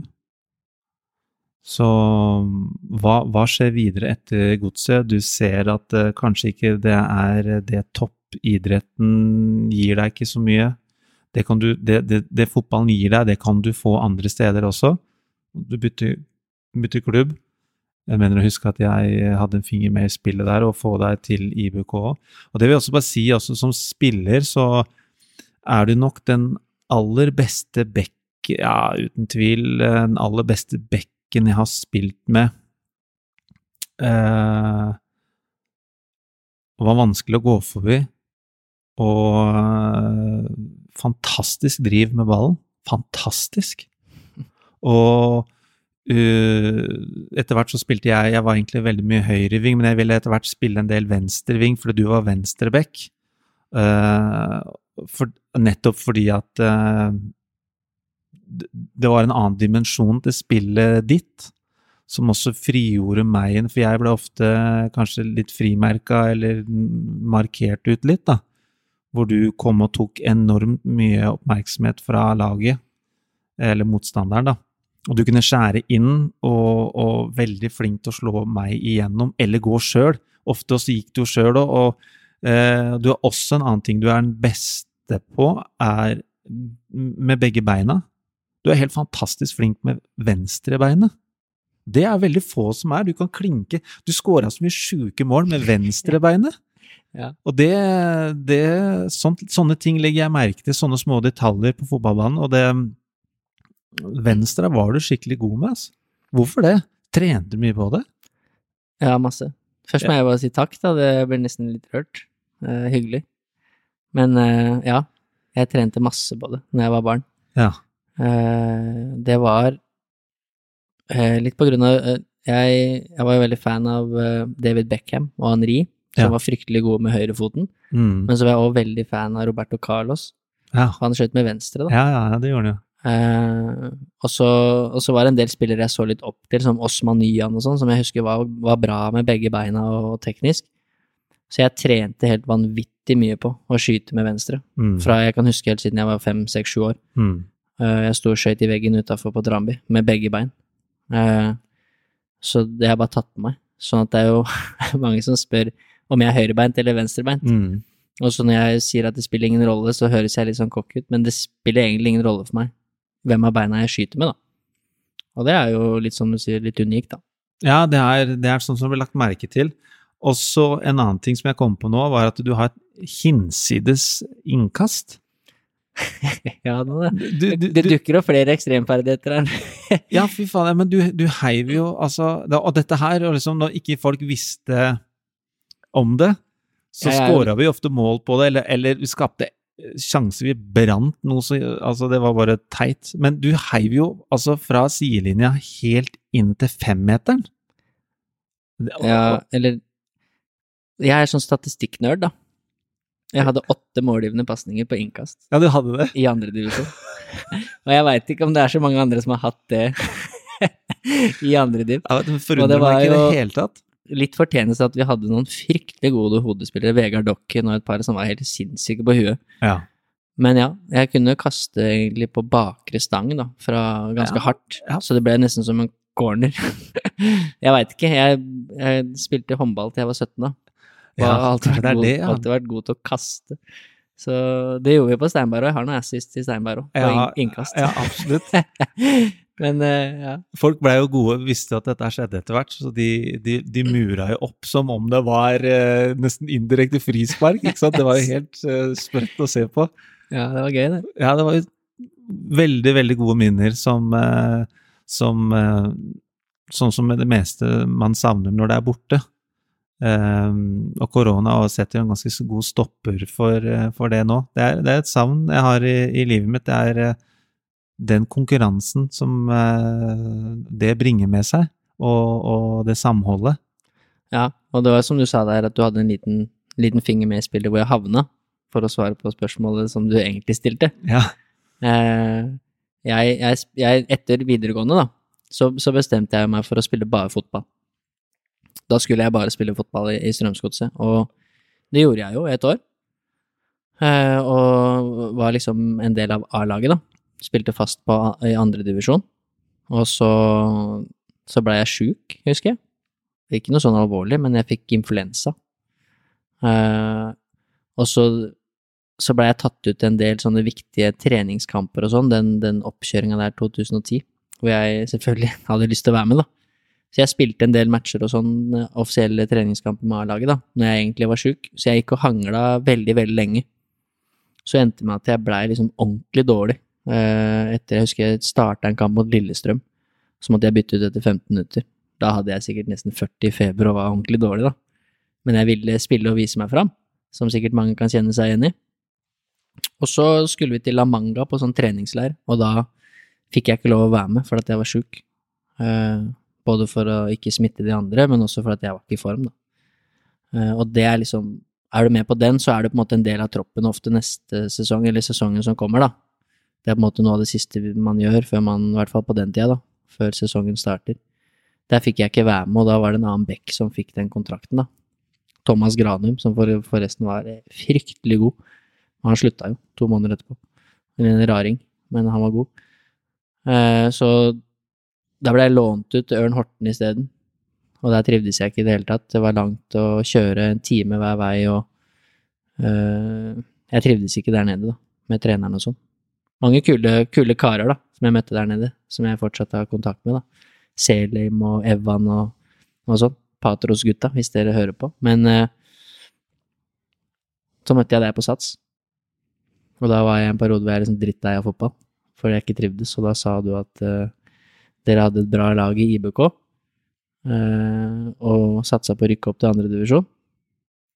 Og det var veldig mange spillere der som jeg hadde sett opp til da, lenge, sånn som deg og Babbo Sarr og Vegard Dokken og i det hele tatt. Reis og Bayram kom dit etter hvert, og det var mange gode spillere der. Fryktelig bra lag. Mm. Jeg kom og prøvespilte for IBK, da. Så bytta jeg halvveis 2010. Halvveis i sesongen. Så kom jeg til dere. Eh, Så rykka vi oppover etter, da. Tror ikke vi tapte Vi tror vi tapte én match, jeg. Så vant vi resten. Så da Det var, som du sa, veldig, veldig kule år eh, på årbogen med IBK. Mm. Nettopp på grunn av at det var så rå gjeng, da. Det var mange gode fotballspillere der, altså. Ja, Det var veldig. eh, utrolig gøy. Ja, et ekstremt bra lag. Bra trener, syns jeg. Kenneth Dokken, jeg likte han veldig godt. Ja. Han var en trener som var fin for meg. Mm. Og Med meg òg. Ja, og bare bra, liksom. Alt var profesjonelt, da. Mette og, og Granli-familien som Ja, måtte de, ildsjelene rundt laget der som eh, Hvorfor i all verden de orka og gadd å, styre og dulle med oss, men fy søren så fint det var at de gjorde det. Ja, jeg tror vi, man, vi hadde det Jeg hadde det bedre der sånn sett enn jeg hadde i Godset, i forhold til hvor mye de gjorde, da. Ja. Hvor liksom drakta, de tre, treningstøy Jeg tror til og med de vaska undertøyet ditt, ja. ja, de var helt fantastiske. For en tid, altså. Ja, det var kult. Og jeg husker jo at jeg fikk gnist, veldig gnisten tilbake som Mm. fotballspiller, nettopp på grunn av det, da. Sam, Samholdet og tilhørigheten, som igjen var kanskje det viktigste for meg da, som person. Mm. Å ha den tryggheten, å være rundt et lag, Mm. hvor jeg også kunne føle meg litt viktig og, og god, da. Og så hadde jeg eldre spillere som, som deg, da, som jeg så opp til, og som gjorde meg veldig mye bedre. Jeg ble tatt veldig godt imot av spillere som, som Vegard Dokken og Babbo, og sånn som er mye eldre enn meg, da. Og Anders Eckholt, og vi hadde mange bra spillere, altså. Ja. Eh, Shirley. Men da Jeg husker jeg hadde, hadde et fryktelig bra år der. Det året vi rykka opp til tredje, til andre divisjon. Og da husker jeg jeg fikk tilbud fra Sandefjord. Kenneth Dokken spilte jo der. Ja. og ville ha meg ned dit. da. Og de rykka jo opp til Eliteserien det året. Ja. Det takka jeg nei til, da. For nettopp fordi at jeg trivdes så godt i IBK, og hadde alt der. Ja. Så igjen er det litt sånn tilfeldigheter, da. Hadde man takka ja til det, så hadde jeg kanskje spilt Eliteserien året etter. Men liksom, så, sånn blei det ikke. Og det er helt riktig at ikke det blei sånn, da. Ja, ja. Eh, Jeg angrer ikke et sekund på det. Fordi de, den, de åra i IBK betydde mye. Mm. Og de kan jeg savne litt av og til, da. Mm. Ja, så bytta vi, så bytta vi jo klubb igjen, og mye av det samme. Gøy. Eh, et nivå ned, så det blei enda mer, det var mer gøy. Du flytta jo til Kristiansand etter hvert der også. Ja, jeg gikk jo til Asker først, da. Ja, Eh, stemmer. Asker var jo det beste andredivisjonslaget i Norge. Ja. Så jeg gikk jo dit sammen med Bayram, Hayeti og, og et par andre. Ja. Og der var jo øh, kanskje enda bedre lag. Eller sånn spill, spillere, spiller for spiller, da. Ja. Og da husker jeg at vi, vi lå på førsteplass i andredivisjon når det var to kamper igjen. Og da husker jeg at jeg sa at hvis vi rykker opp til førstedivisjon, til Obos-ligaen, eller Adecco heter det vel da, Ja. så skal jeg fortsette å spille. For da kan du få bra kontrakt og liksom nesten leve litt av det, da. Eh, og da var ikke jeg noe sånn fast eller noe i Asker, da var jeg litt sånn inn og ut. Jeg hadde begynt med å jobbe og gjøre andre ting, og fokuset var ikke helt der. Eh, men så tapte vi jo siste kamp mot båndlaget, Nesodden, som Nei. tok seks poeng det året, og tok fire mot oss. og da eh, rykka Bærum opp, da. Den vant med ett poeng. Og Amal Pellegrino, som er med i første episode, han var fryktelig god for Bærum det året.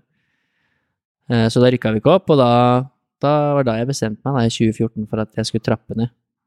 Fordi for de som har spilt andredivisjon, Ja. toppen av andredivisjon, det er blytungt, fordi du, du trener like mye som en tippeligaspiller, og eller eliteseriespiller, som det heter nå. Mm. Eh, du tjener jo nesten ingenting. Og du reiser rundt overalt, og du har ikke ferier og eh, For meg, da, som jobber med toppidrettsutøvere nå i håndball, så er andredivisjon ganske likt. Ja. Det å være en andredivisjonsspiller i fotball er ganske likt som å være en eliteseriespiller i håndball. Eh, og for de mange av klubbene i Norge da, som eh, ikke kan leve av det, så er det nok mange som kan kjenne igjen i at du må jo jobbe ved siden av, eller Mm. altså, det, det er blytungt. Så da tok jeg valget om å trappe ned. Mm. Og da begynte jeg i Steinberg, da, og spilte sammen med deg i fjerdedivisjon. Det var også fantastisk år. Veldig gøy. Utro, utrolig gøy. Ja, så Den- igjen så er det det at, ja, så igjen er det det at for meg er det ikke nivået var aldri det viktigste. Det var nok litt viktig i ungdomsårene for å liksom ha en status. At andre syntes det var kult at jeg spilte Godset, Ja. var viktigere. Eh, mens eh, når jeg ser tilbake på det nå, så er det jo ikke det. Altså, de mine kuleste år som fotballspiller er IBK og Steinberg. Ja. Eh, tredje og fjerde divisjon. Ja. Ikke når jeg spilte for A-laget til Godset. Nei, det er litt nær- spesielt. Jeg har ikke nærheten av de samme minnene med det. Nei. Disse tingene her er eh, det, er det er viktig å komme innom og for å få en forståelse av hvem du er, og historien din.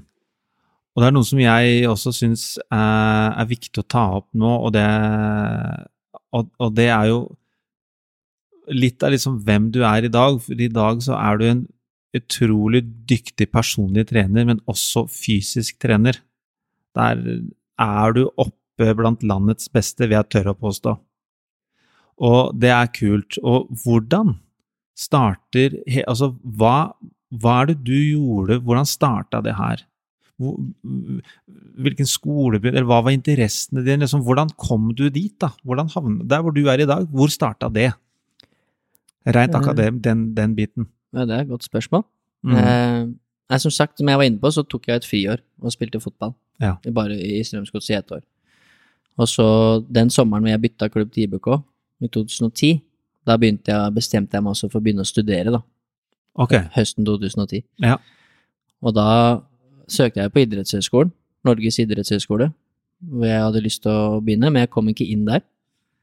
Eh, og så syns jeg det var veldig spennende med ledelse. Jeg hadde hatt det som valgfag på videregående. Det interesserer jeg meg jo fortsatt for. Jeg har jobbet som leder også av et treningssenter og, og et PT-team da, Mm. i mange år. Uh, Så da begynte jeg å studere ledelse på BI, da, på Handelshøyskolen i Drammen. Eh, passa veldig fint med at jeg bodde i Drammen og spilte i Godset og liksom alt var der. Og det syns egentlig var ganske interessant. Syns det var ganske kult. Eh, men i 2011 så kom jeg inn på idrettshøyskolen. Det som jeg egentlig ville begynne på. Ja. Så da droppa jeg liksom den bacheloren i ledelse, da. Markedsføring og ledelse, fordi at jeg, jeg ville heller studere på idrettshøyskolen. Eh, og det starta nok egentlig med at jeg ville lære mer bare egentlig om kroppen. Hvordan han fungerer Ja. og er satt sammen. Og hvordan man på en måte kan utvikle den, da, rent fysisk. Sånn starta det nok. Jeg hadde fryktelig dårlig oppfølging eh, i Strømsgodset på det fysiske. ja. Så hvis jeg ser tilbake på hvordan vi trente når jeg var 16, 17, 18, 19, så er det jo uh, søppel. Altså det er bare tull. Uh, jeg kunne nok blitt en veldig mye bedre fotballspiller hvis jeg hadde hatt bra oppfølging, da. Så det lå nok litt der som en motivasjon også, at jeg ville lære mer om det. Eh, og var opptatt av idrett, da. Og Interesserte meg veldig for det. Så da begynte jeg på idrettshøyskolen i 2011, og tok et sånt sånn derre Var det toårig studie? Og, og i det studiet så fikk du veldig mange sånn forskjellige ting. Det var sånn pakke de tilbydte, da.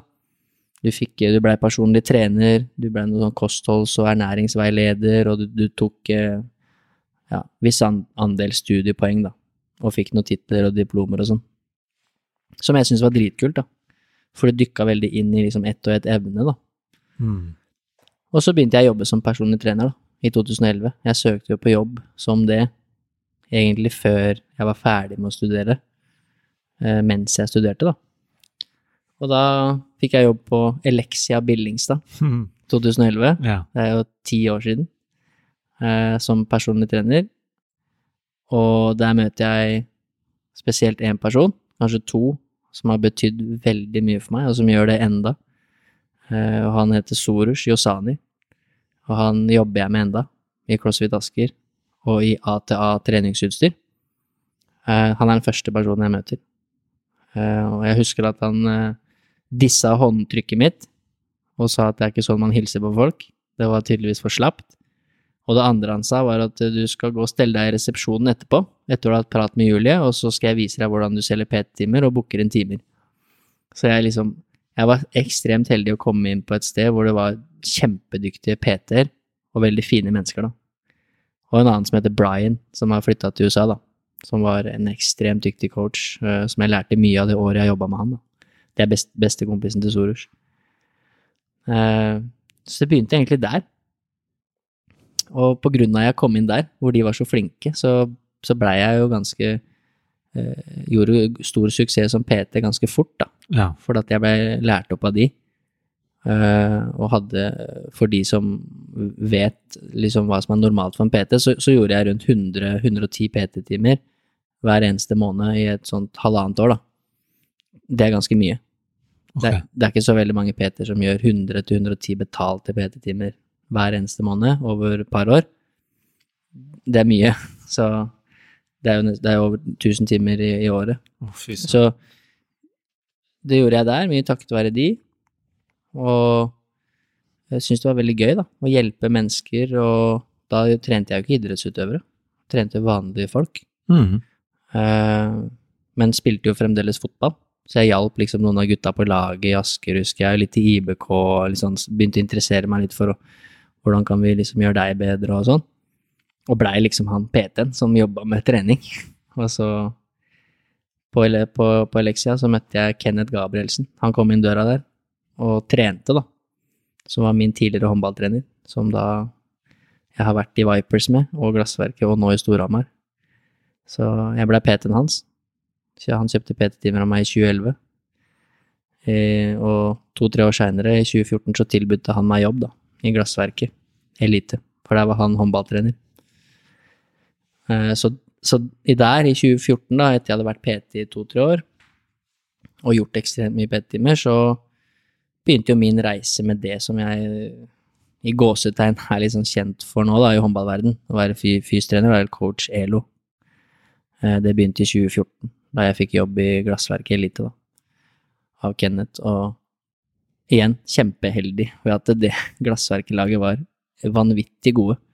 Der spilte jo eh, Jeanette Christiansen, Veronica Christiansen, Kari Bratseth, for de som følger med på håndball. Dette er jo spillere som fremdeles er fremtredende på verdens beste håndballag, da, i Gyør, og på norske landslaget. Så det var så ekstremt mange gode spillere med potensial som var fremadstormende i glassverket. Wow. Eh, at eh, eh, det, er, det er kanskje det kuleste året jeg har hatt som fysiotrener. Yes. eh, i 2014. Bare for å være med på det, da. Eh, så det, det brukte jeg mye tid på. Så da hoppa vi noen år fram, da. Men i 2014 så så spilte jeg jo fotball i andredivisjon for Asker. Og så jobba jeg og gjorde mellom 80 og 100 PT-timer i måneden på Asker treningssenter. Og så studerte jeg idrettspsykologi på Høgskolen i Oslo. Og så ble jeg fystrener i Glassverket, da. Dette er mye på en gang. Det var veldig mye på en gang. Så da husker jeg at jeg Jeg sto opp klokka fem Ja. eh, hver eneste dag i et år eller to, eh, og hadde ofte PT-timer fra sånn seks på morgenen til sånn ni. To-tre PT-timer, da. Og så dro jeg inn til Oslo, satte meg i bilen og freste inn, og hadde forelesning med idrettspsykologi fra sånn type 9 til 3 eller 10 til 4 eller noe sånt, da. Så dro jeg rett på fotballtrening med Asker, som ofte trente sånn fra fem til sju eller sånn fire til seks på ettermiddagen, da. Mm. Og så dro jeg tilbake igjen på jobb, og så hadde jeg PT-timer på kvelden, da, fra sånn sju til ni eller sju til ti, da. Så dro jeg hjem og programmerte programmer for utøvere og i glassverket og alle PT-kundene mine, og leste litt skole og sånt til kanskje sånn tolv. Og så sto jeg opp igjen fem. Og så har jeg tatt med meg litt eh, den dårlige evnen til å sove lite, da. Så jeg overdriver ikke når jeg sier at jeg so sover nok fem timer i snitt hver natt. Det har jeg gjort de siste ti årene. Wow. Eh, Fem-seks timer. Ikke noe mer? Nei, og det er jo ikke nødvendigvis positivt, da. Men det har jo fungert for meg, da. Men det ble jo, som du sa, altfor mye, da, i 2014. Og det jeg husker jeg sleit mest med, var å være mentalt til stede. Ja. Uh, når jeg var på skolen, så tenkte jeg på PT-timene og alt jeg skulle forberede, og når jeg hadde PT-timer, så tenkte jeg på fotballtrening, og når jeg var på fotballtrening, så tenkte jeg på eksamen som jeg skulle gjennom på skolen, og jeg var liksom aldri i nuet. Jeg klarte ikke å være til stede, da. Nei. Så alt ble bare sånn lapskaus. Så da var da jeg liksom Jeg må velge vekk noe. Og da valgte jeg vekk eh, fotball. Trappa ned. Begynte å spille med deg i Steinberg isteden. Eller spilte kanskje faktisk ett år i tredje divisjon for Asker, for å hjelpe dem litt. Og så eh, slutta jeg med studiene. Jeg tok ett år da, med idrettspsykologi. Skulle egentlig ta bachelor i det. Eh, men syntes det var så gøy å jobbe, og gjorde det så bra som PT, og hadde begynt med fystrener i Glassverket, som jeg syntes var kjempekult da, å få Mm. være med på. Mm. Så da droppa jeg studier også, etter ett år. Så eh, fra det året, så, eller fra 2015, så var jeg liksom bare fystrener og PT, da. Og satsa fullt på det. Ja. Eh, og så ja, ble jeg fystrener i Strømsgodset i 2015. Som var Det var egentlig det som var min drøm, da. Etter hvert. Å hjelpe fotballspillere. Ja. Så jeg, når jeg ble henta tilbake til Strømsgodset av mange av de trenerne som jeg hadde hatt, da, Bjørn Petter og de som jeg nevnte i stad, Ja. så var det veldig stort for meg. ja. Uh, og fikk være med der og få ansvaret for Talentgården og Eliteakademiet, og så være med med et par A-lagsspillere og sånn. Eh, Noen av de gutta som jeg hadde på Eliteakademiet, de spiller jo i Eliteserien nå. Ja. Da var de jo 12-13, og nå er de sånn 18-19, da. ja, ja. Så kult. Men uh, ja, så sånn var det. Og i 2016 så flytta jeg til Kristiansand. Ja, ok, og hva skjer der? Hva er det som skjer i Kristiansand? Da ble jeg jo fysisk trener for Vipers, da, Kristiansand. Ja. Fordi Kenneth uh, tok over de, som var veldig hardtsatsende, uh, og skulle liksom bli det beste laget i Norge. Og så hadde jeg jo blitt sammen med Jeanette Kristiansen, da, glass, som jeg møtte i Glassverket.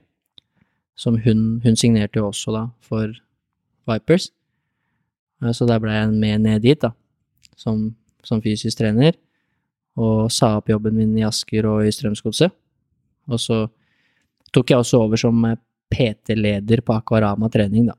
Og hadde ansvaret for alle PT-ene på treningssenteret som som ligger i den samme liksom, arenaen da, som Vipers spiller kamper i. Ja. Uh, og da var jo ikke Vipers noe spesielt gode. De var sånn fjerde, femte, sjette beste lag i Norge, da. Og ja, for de som følger med på håndball, så er det jo ikke noe annet som gjelder enn Vipers i Norge nå. Det er det desidert beste håndballaget. Det var Larvik i mange år, husker jeg. Ja, det var Larvik i mange år. Og så kom Vipers. Men det, det, så, han Kenneth er tydeligvis en god trener, for han har blitt henta og henta også. Så han er, en, han er også en anerkjent trener i håndballverden. Eh, ja, i hvert fall ja. I hvert fall i Håndball Norge. Ja. Mm. Eh, og det er han som ser noe i deg som han liker veldig godt. For det er helt tilfeldig at han kjøper time, for han vil også trene og holde seg i form. Så er det noe ved deg som gjør at han tilbyr deg faktisk en jobb. Og det er jo en Det er vel en liten overgang fra å jobbe med altså som personlig trener på, på Sats, for eksempel, eh, til å trene håndballspillere. Er det ikke det?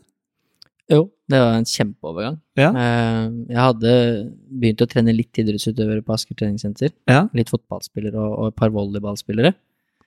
Og så hadde jeg alltid fulgt med på håndball. Jeg spilte jo det sjøl til jeg var 17 og har masse kompiser som spilte, spilte i Eliteserien og sånn. Mm. Eh, og så alltid sett på liksom landslaget både for herrer og damer, og sett veldig mye håndball. da, Interesserer meg for det. Så jeg var jo så mange kamper med glassverk og sånn fordi Kenneth var trener der. Men ja, han så nok noe i meg, og det jeg tror han så mest i meg, var nok eh, eh, at jeg var så dedikert, da. Mm.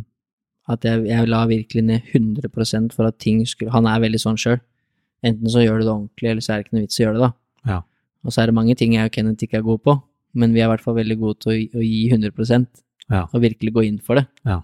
Og noen ganger går det litt på trynet òg, men eh, du kommer langt med å liksom tørre å gutse, da. Og Ja. virkelig, virkelig gjøre alt du kan for å lykkes med det. Mm. Eh, men som jeg sa, jeg var 23 år når jeg ble fystrener i Glassverket, Ja. og eh, hadde jo ikke enda på plass alt i mitt eget liv. Ja. Visste jo ikke helt hvem jeg var og hva jeg dreiv med og hvor jeg ville og sånn. Og så var det jo ekstremt gode håndballspillere i Glassverket, så jeg blei jo også litt sånn Faen, disse er gode. Vi tok jo sølv det året. Tapte med ett mål mot Larvik i sluttspillfinalen, og Wow. da var Larvik gode. Eh, fikk vel Champions League-kvalik året etter, og, og leda mot Gjør, da, i 40 minutter eller noe sånt. Tapte til slutt, da. Og Veronica spilte jo på landslaget og vant vel EM også, tror jeg, i 2014, hvis ikke jeg husker feil. Kanskje 2015. Så det var gode spillere, da. Som Det var jo et enormt steg opp for meg. Så- ja. Jeg, jeg er bare veldig glad for at uh, jeg fikk muligheten. Og når jeg ser tilbake på det, hvor mye jeg lærte av det, da. uh, om ikke bare om fysiotrening, men alt hva som påvirker prestasjonen til, til en toppidrettsutøver. Mm. Alt det som skal til for at du faktisk lykkes. Det er så mange ting mer enn bare løfte nok kilo i knebøy. ja, Det ja. er så enormt mye flere ting. Med kultur og miljø og trygghet og at du har en trener som tror på deg, og at du får tillit og bli sett og hørt, og det er så mange ting. Jeg syns det var dritkult å få være med, liksom. Jeg husker jeg var med på treningsleir i 2014 til Polen, da. Var der i åtte-ni dager. Eh, Som 23-åring og visste liksom hva jeg er blitt med på nå. Det var veldig seriøst, da. Mye mer seriøst enn jeg hadde trodd. Så ja, jeg syns det var veldig gøy å Mm. få være med på det. Mm. Lærte masse, og så ja, ble det jo Vipers, da. Det var jo ikke så gamle karen jeg dro det til, jeg var jo bare 25. ja. Så Vipers, eh, der skjedde det en hel del ting. Fortell litt mer i detaljer. Hva, hva var det som skjedde der, egentlig? For eh, en ting, du, du kommer ned dit, du sier det sjøl, du er ganske ung fortsatt, 25. Ja. Og hva er det som skjer der? Det er jo igjen et eh, veldig steg opp fra glassverket, da. Eh, De hadde ordentlige ambisjoner. Jeg husker jeg var nede og møtte klubben og sånn, jeg Jeanette og jeg, da. Eh, Og de var så ekstremt profesjonelle, da. På alle mulige områder. Og når vi spilte der nede også med glassverket, så var vi jo bedre enn dem. Vi slo dem jo med en del mål, men det var jo 1500-1600-1700 tilskuere i hallen, og de var liksom skikkelig flinke på arrangement, og de hadde masse sponsorer, og det var liksom noe helt annet, da. Eh, De mangla bare liksom det sportslige.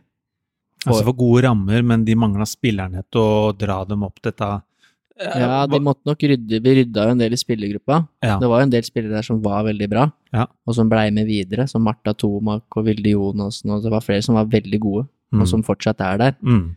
og som uh, har blitt, er landslagsspillere og som er bra, da. Men de rydda jo ut en del, og så kom jo kom du inn en helt annen type treningskultur med Linn Sulland, Jeanette Christiansen, Kari Bratseth, uh, Kenneth og meg, da. Mm. eh, som alle representerer en veldig sånn eh, veldig sånn sterk treningskultur, da, Ja. for å legge ned jobben. Ja. Eh, så bytta jo en del, og så røyna det jo bare på egentlig med to-tre nye ordentlig store profiler hvert, hvert år, da. De bygde det liksom gradvis.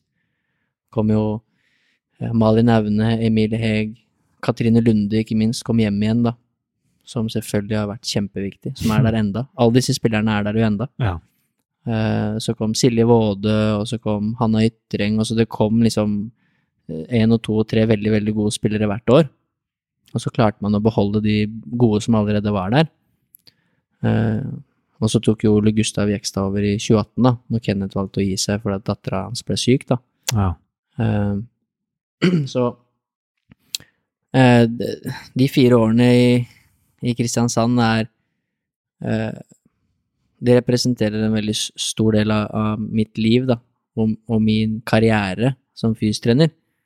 Det var der jeg på en måte la ordentlig grunnlaget, da, hvor jeg fikk muligheten til å være skikkelig fystrener, da. Være til stede. Jeg var, var med jentene så å si hver dag, eh, så dem daglig, og det var liksom min jobb. Jeg var med på treningsleirer, var med på kamper, var med ut i Europa og reiste. Eh, var med på arrangementer med sponsoren og eh, De er flinke i, i, i Kristiansand. Det er en grunn til at Vipers er det beste laget i Norge, Ja. og er en klubb som kan tilby de kontraktene som de gjør. Det, er, det er veldig flinke folk som, som driver klubben. Uh, en del forandringer der nå, da, men uh, de er flinke, og så fikk jeg jo også åpne mitt eget akademi, da. Vipers-akademiet. Wow, det er kult. Ja, jeg hadde jo en eh, drøm om å åpne mitt eget. Det jeg så for meg, var et sånn slags performance center for eh, idrettsutøvere. Ja, ja. Eh, men så blir det aldri sånn helt som man tenker det. Men det var et par investorer som trodde på den ideen, da, og som spytta inn en, en million kroner cirka. Som igjen er når du er i en alder av 27, da, og ikke har gjort så mye, så mye ennå i livet, og, og noen som tror på deg og sier at jeg skal gi deg en million. Det er mye penger, fordi jeg tror på din idé, eh, og jeg tror på det du har lyst til å skape. Så var det litt sånn overveldende.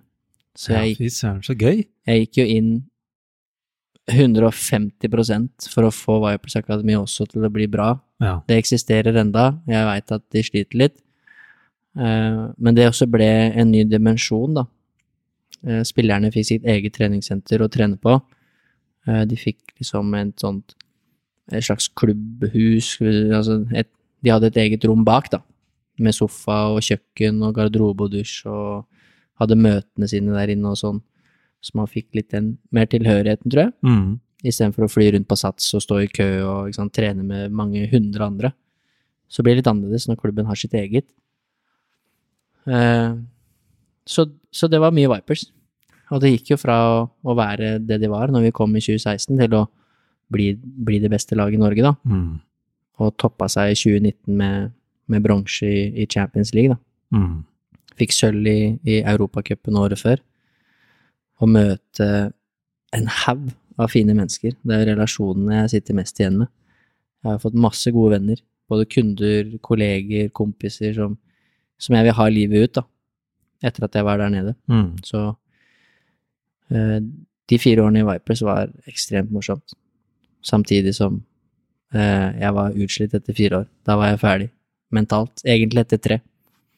Ja. Eh, Du tyna et ekstra år der nede. Ja, på grunn av litt det som skjedde i mitt liv, da. Hva var som skjedde i ditt liv? Eh, 2019, det var var litt, litt sånn kontrastår for meg, da. Det, det, det jeg gikk gjennom et samlivsbrudd. Det ble slutt mellom Jeanette og meg i 2019. Mm. Så vi hadde jo vært sammen i mange år. Ja. Fem, fem år eller noe sånt. Eh, så jeg hadde jo signert for eh, Herning Ikast og skulle ned til Danmark sammen med henne. Mm. Og sagt opp leiligheter og alt mulig. Sagt opp jobben i Vipers, sagt opp jobben på Vipers Akademiet. Mm. Og var ekstremt komfortabel med det valget.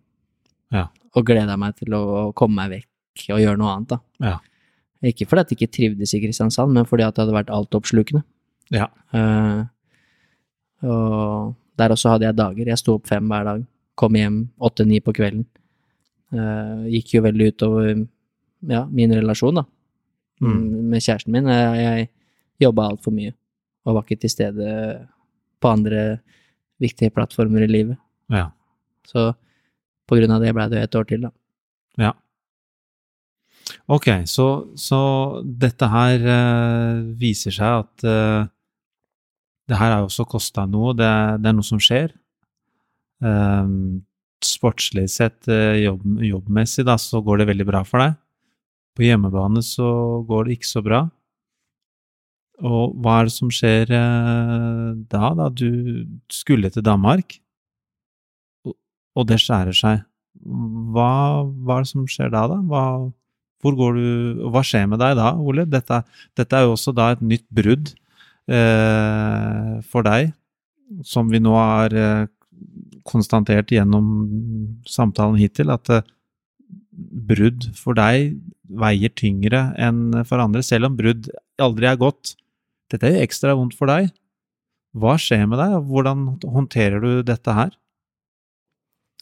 Eh, nei, sånn først, da, så jeg, jeg skjønner jo at du spør for at lytterne skal Du vet jo veldig godt hva som skjedde. Vi prata jo enormt mye sammen i den tida.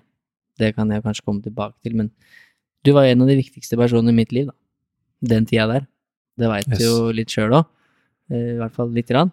Men eh, som jeg sa, så var jo 2019 sånn kont kontrastår. Ja. Fordi at eh, sportslig sett, og litt sånn kanskje sett utenfra, så gjør jeg det jo bra. Mm.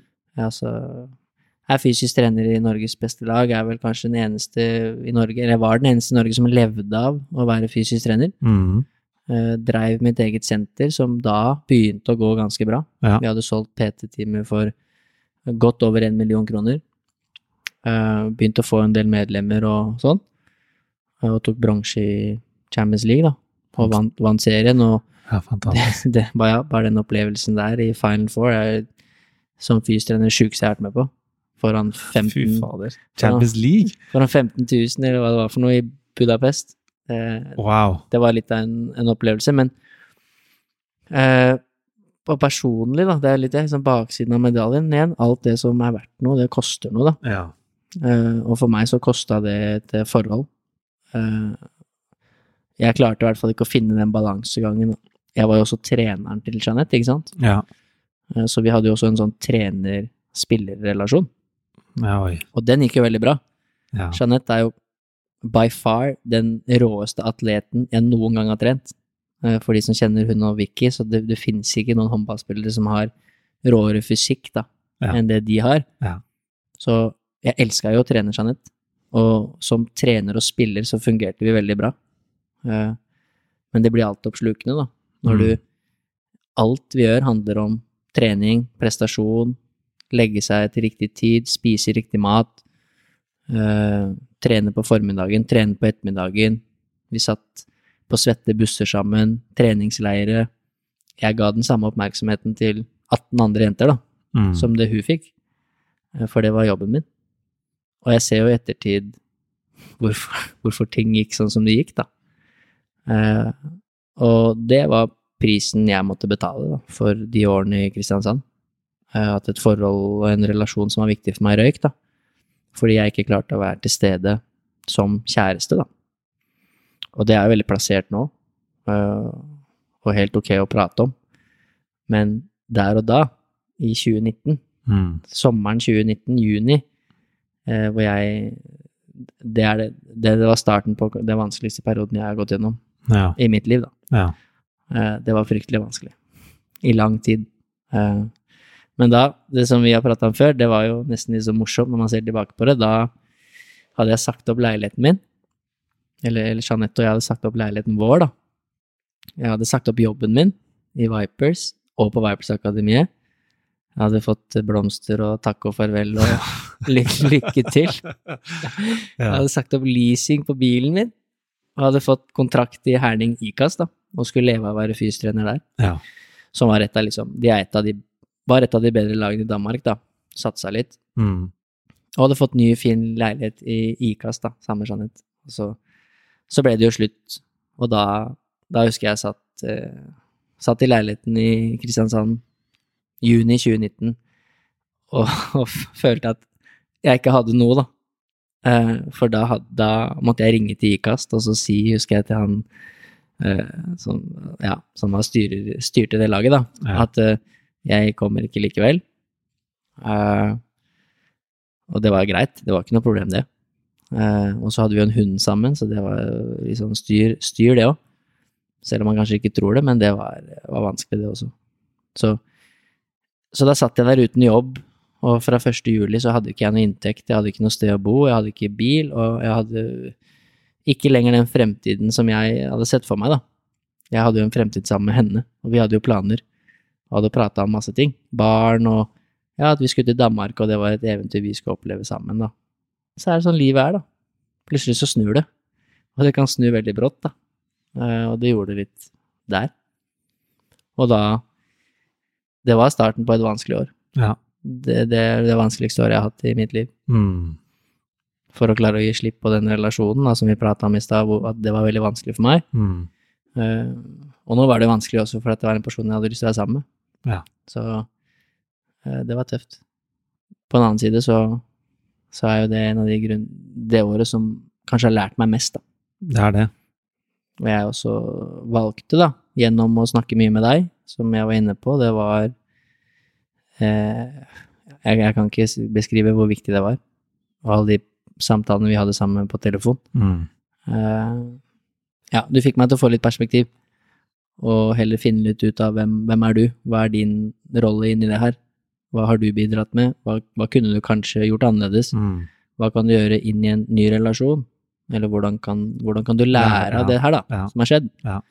Eh, og på en måte ikke gjøre hva skal vi si, den samme feilen, eller liksom en gang til. Lær heller av det, og, og finne ut mer om deg sjøl.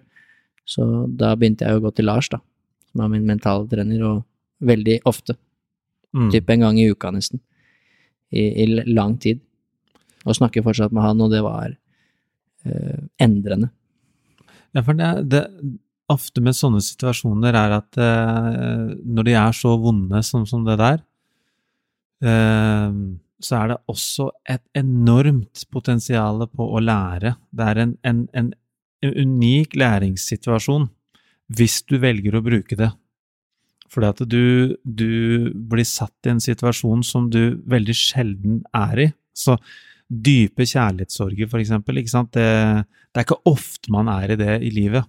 Og det er ofte så vondt også at man vil gjerne prøve å trene mye, kanskje to ganger om dagen, man ser på flere filmer, man stikker og henger med Alt for å egentlig ikke merke og kjenne etter. For det er så jævlig vondt.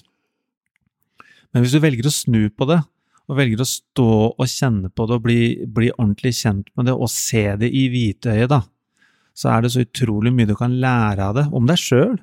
Ikke sant? Veldig, og det var også noe vi det, en del av det vi snakka om òg, at eh, Men hva kan du lære av det, og, og hvem, hvem er du i det, og hvem ønsker du å bli i det? Liksom sånn, hva, hva, hva kan du egentlig lære å få ut av dette her til en videre relasjon, og, og hvem du ønsker å være fra dette øyeblikket?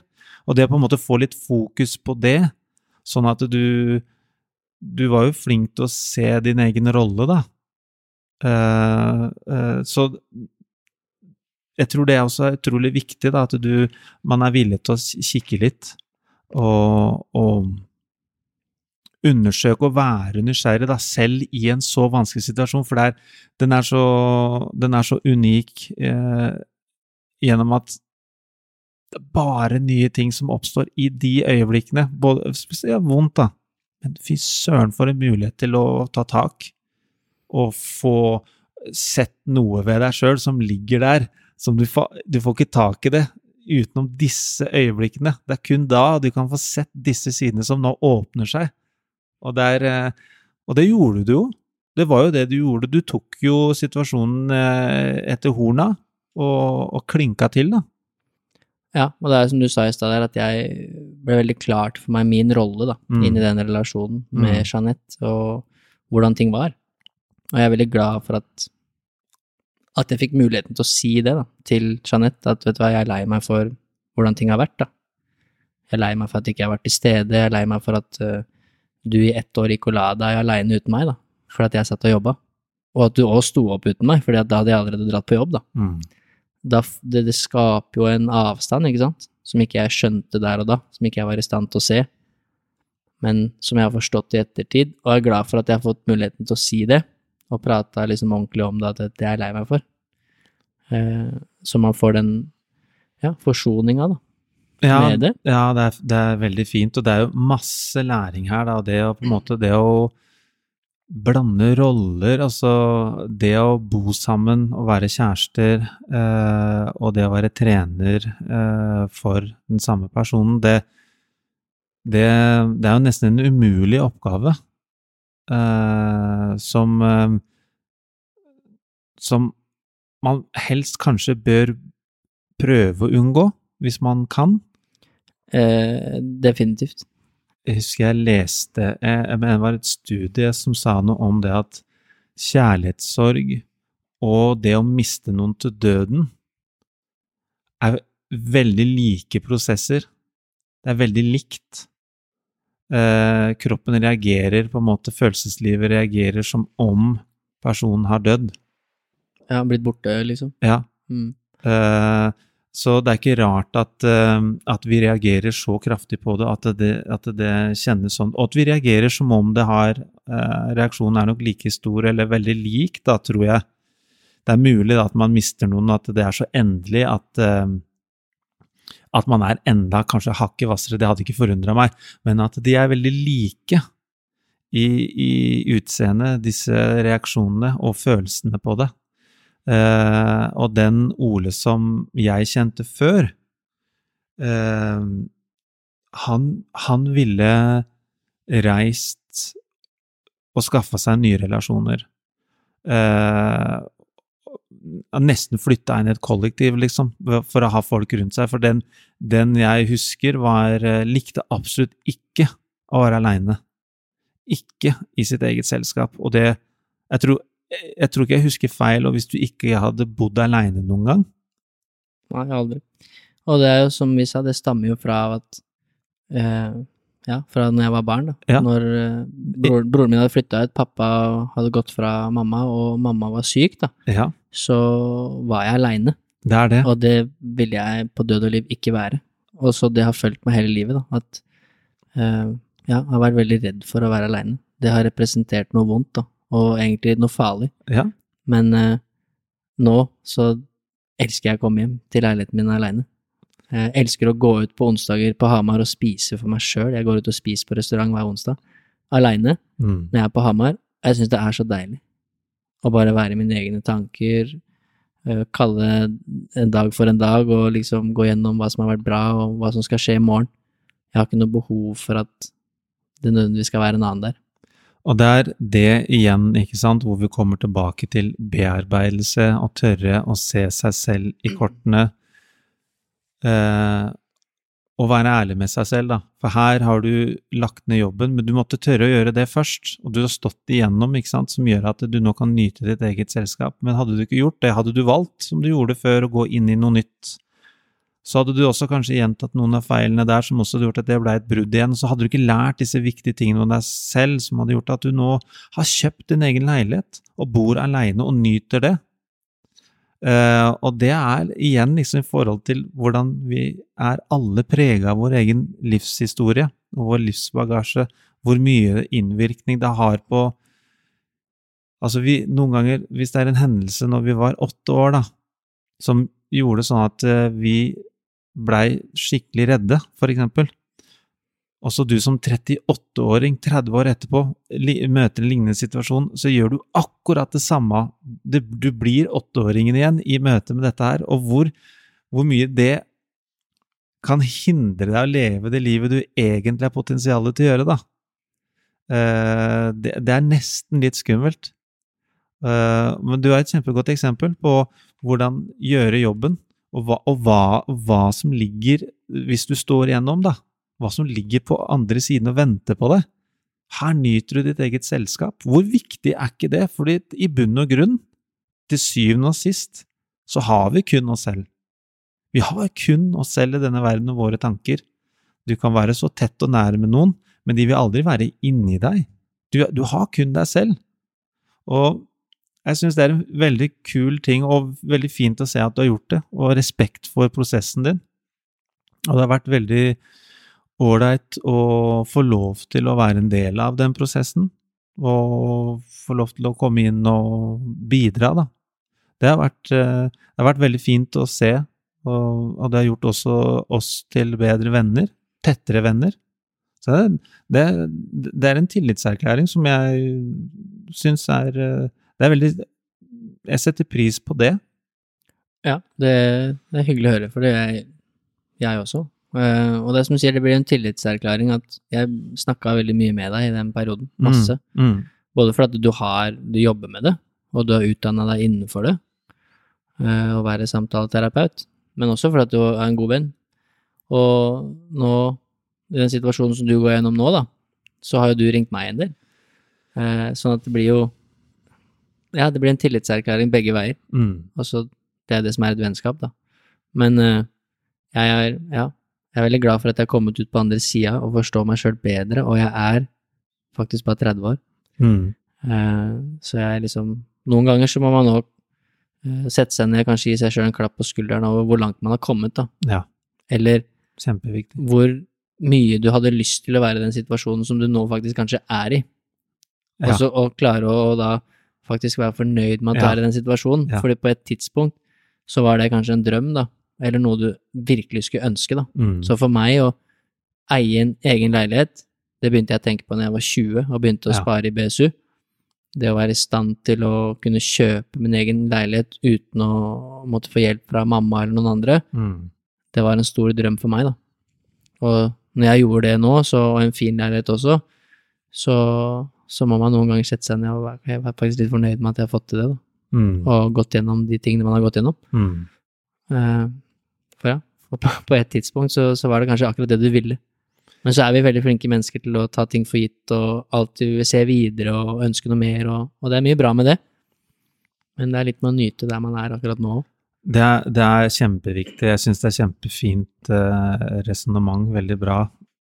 Og også det med, da, og- og som, jeg, som vi ikke har snakka om, det å ta valget om å, å skrive under for Bucuresti. Og Ja. rei, reise dit aleine. Nå ble ikke det noe av pga. korona, men det var også et veldig stort valg for meg. Uh, ingen norske. Uh, Nora Mørk var jo der, men uh, hun, hun dro jo til Vipers pga. moren ble syk og sånn. Mm. Så da var det jo ingen norske, ingen skandinavere. Jeg måtte reise fra leiligheten min som jeg hadde kjøpt her, da. Reise fra hunden min, familien min, venner, kolleger, og eh, bo aleine i Romania. Eh, og jeg hadde ikke vært i stand til å ta det valget for meg sjøl hvis ikke jeg hadde gått gjennom alt jeg har gjort, da. Nei. Og prosessert de tinga her. Det hadde jeg aldri i verden. Ikke sant? Med den historien som jeg har fortalt nå om at jeg var veldig redd for å være aleine og hadde mye angst for ting, og hadde ikke vært i nærheten hvis ikke jeg hadde valgt å prosessere alle disse tingene, da. Og det igjen er jo at du, du jagde jo en drøm. Du har jo nå igjen tatt et enda et steg opp til en Champions League-klubb som er villig til å betale deg, hente deg over til å være fysisk trener. Det også er jo noe nytt eh, ved det her òg, og du jager jo fortsatt drømmer, og det her var jo også en, en sånn situasjon. Som igjen du ikke ville ha kommet i nærheten av, hadde du ikke gjort jobben, som du sier. Så det jobbes jo, det jobbes jo veldig godt. Ja, men det er ubehagelig å ta et sånt valg. Jeg hadde, er mange, hadde mange unnskyldninger i hodet mitt for at nei, det er bedre å bli i Norge. Ja. Eh, Det var mange ting jeg fortalte meg sjøl, sannheter, Mm. og hvorfor det var best å bli her. Eh, Det er enkelt, det. Øst-Europa er skummelt og Mm. masse greier. Men jeg håper fortsatt at jeg kommer meg ned dit etter OL. Det er det som er planen. Og nå har de jo signert to spillere fra Vipers også, som jeg har trent før. Emilie og, og Malin.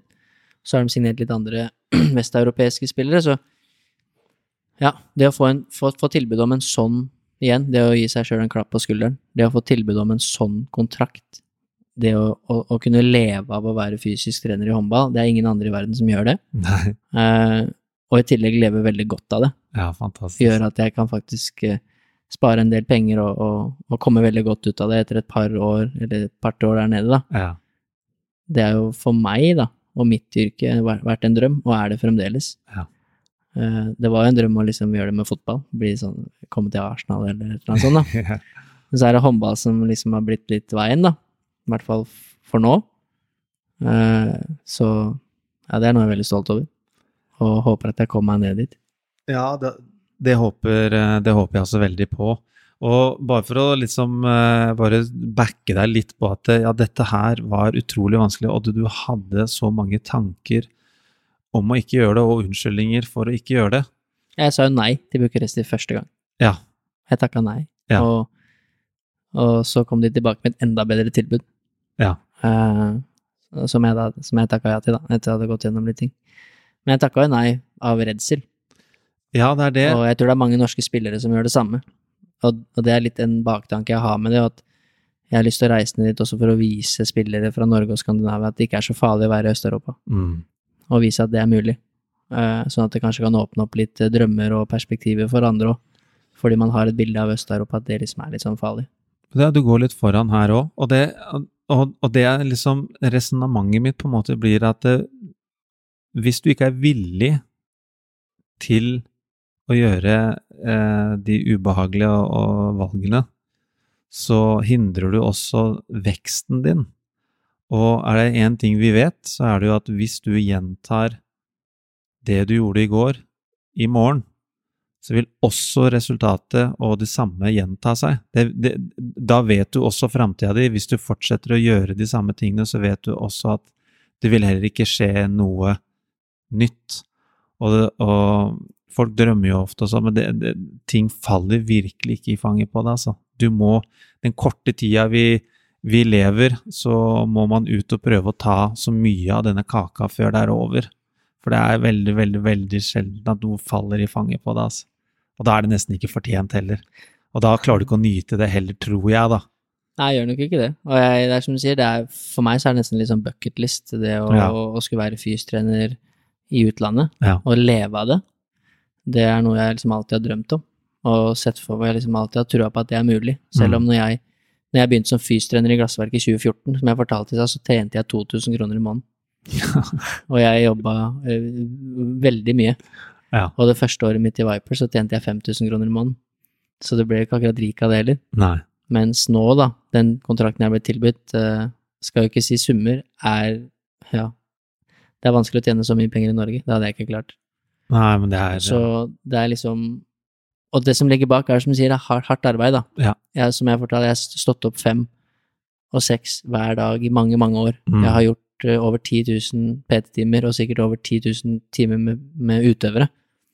Så eh, og, og med så mye kvalitet jeg har klart å ha. Ja. Jeg har ikke bare gjennomført det, men jeg har alltid prøvd å bli litt bedre. Og Ja. lære av de spillerne som jeg har trent, og av de trenerne som jeg har vært med, og, og tatt videreutdannelser og kurser, og, og jobba hardt da, for å komme dit jeg er. mm. Så du, det faller de absolutt ikke i fanget på deg, det gjør ikke det. Det gjør ikke det. Men hardt arbeid lønner seg. Det er jo liksom den derre typiske ting man hører som man blir altså, Man kan til og med bli provosert av å bli fortalt, eh, men hardt arbeid, det, det lønner seg. Ja, alle de tingene er sånn klisjé, at det er liksom utafor komfortsonen, det er læring og sånn, men det er faktisk det. Vi nærmer oss eh, en avslutning, men jeg, jeg, jeg, jeg har noen spørsmål jeg har lyst til å stille deg. Ok? Det blir spennende. ja, men husker du spurte meg eh, om jeg hadde noen tips til utøvere eller coacher der ute. Og jeg har lyst til å stille deg det spørsmålet også. Har du, med din erfaring og det du har lært og sett, har du noen tips til eh, utøvere eller coacher der ute? Ja, hardt arbeid lønner seg. det er utafor komfortsonen det skjer. Nei, men Nei, men jeg Vet du hva, jeg har masse meninger og tanker rundt det, og hvordan jeg ser og opplever de jeg jobber med. Og det verste jeg veit, det er folk som som på en måte ser etter snarveier Mm. eh, og vinner liksom litt i lotto for å, å oppnå det de vil. At de nesten heller vil vinne i lotto enn å faktisk gjøre jobben for å kjøpe deg det huset sjøl. Uh, sånn at noe av det verste jeg veit, høres negativt ut, da, men er de som på en måte sier at de har drømmer og vil oppnå ting. Om det er, sånn som i min jobb, da, om det er å gå opp i vekt, eh, ned i vekt, få større biceps eller spille for det beste håndballaget i verden, så er de ikke villige til å legge ned den jobben som kommer dit, for å komme seg dit, da. Det er noe av det verste jeg veit. Og for noen vet de ikke bare, vet ikke hva, hva kreves for å komme dit, men andre, de gidder ikke å gjøre det. Og så forventer de et resultat som da er urealistisk. Så forstå konsekvensen av den målsetningen eller den drømmen som du har, da.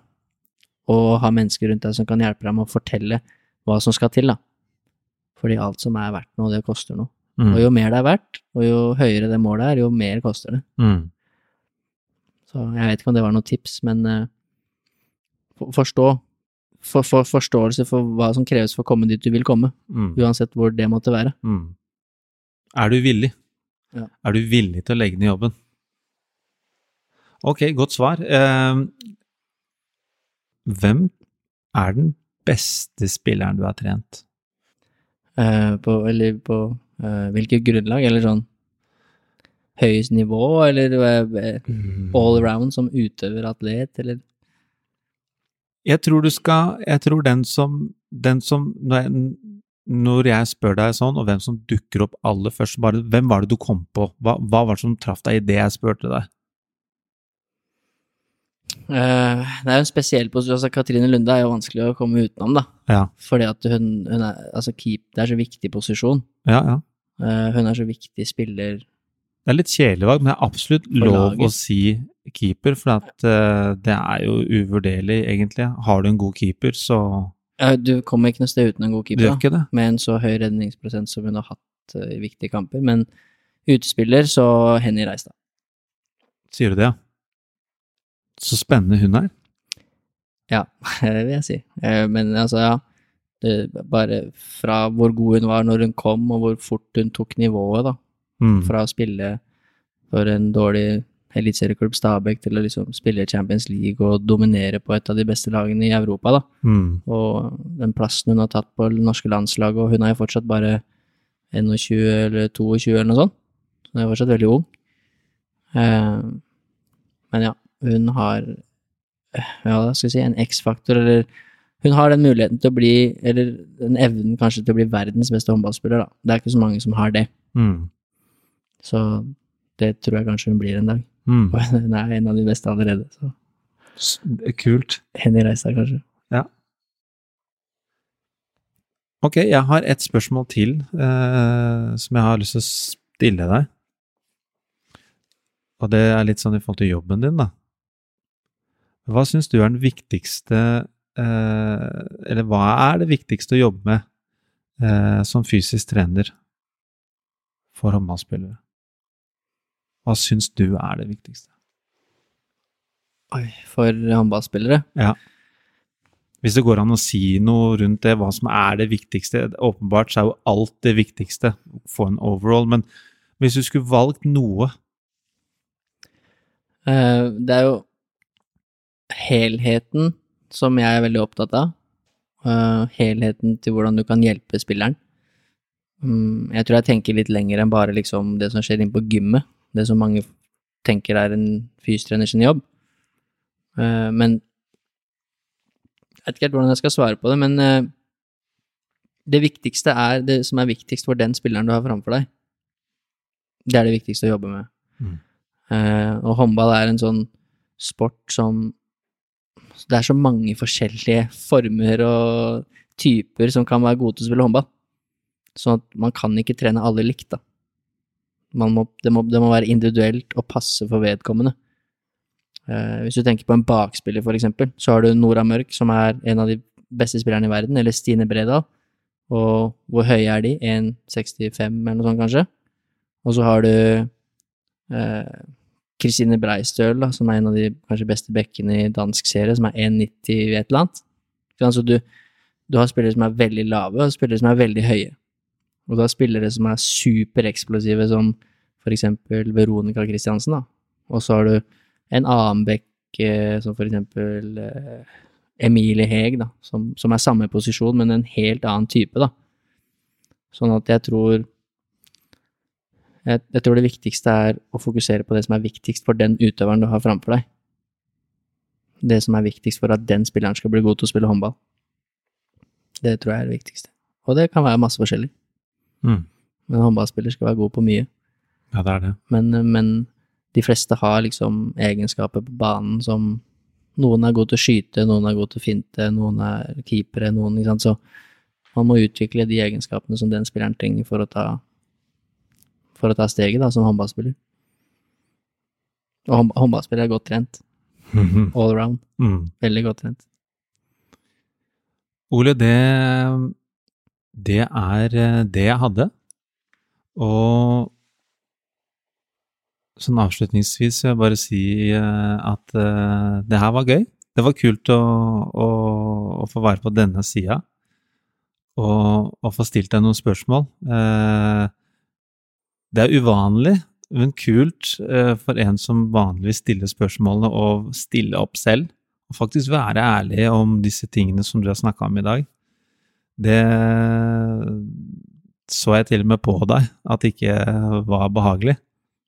Men du gjorde det, og det er eh, Igjen så kommer vi på dette her med å dele, og det å være eh, Det er noe veldig genuint og ekte over dette her, som du leverer. Eh, og det er sikkert også derfor eh, du er blitt så populær, Eh, og det er kult. Jeg har faktisk et spørsmål til, kjenner jeg. Ja.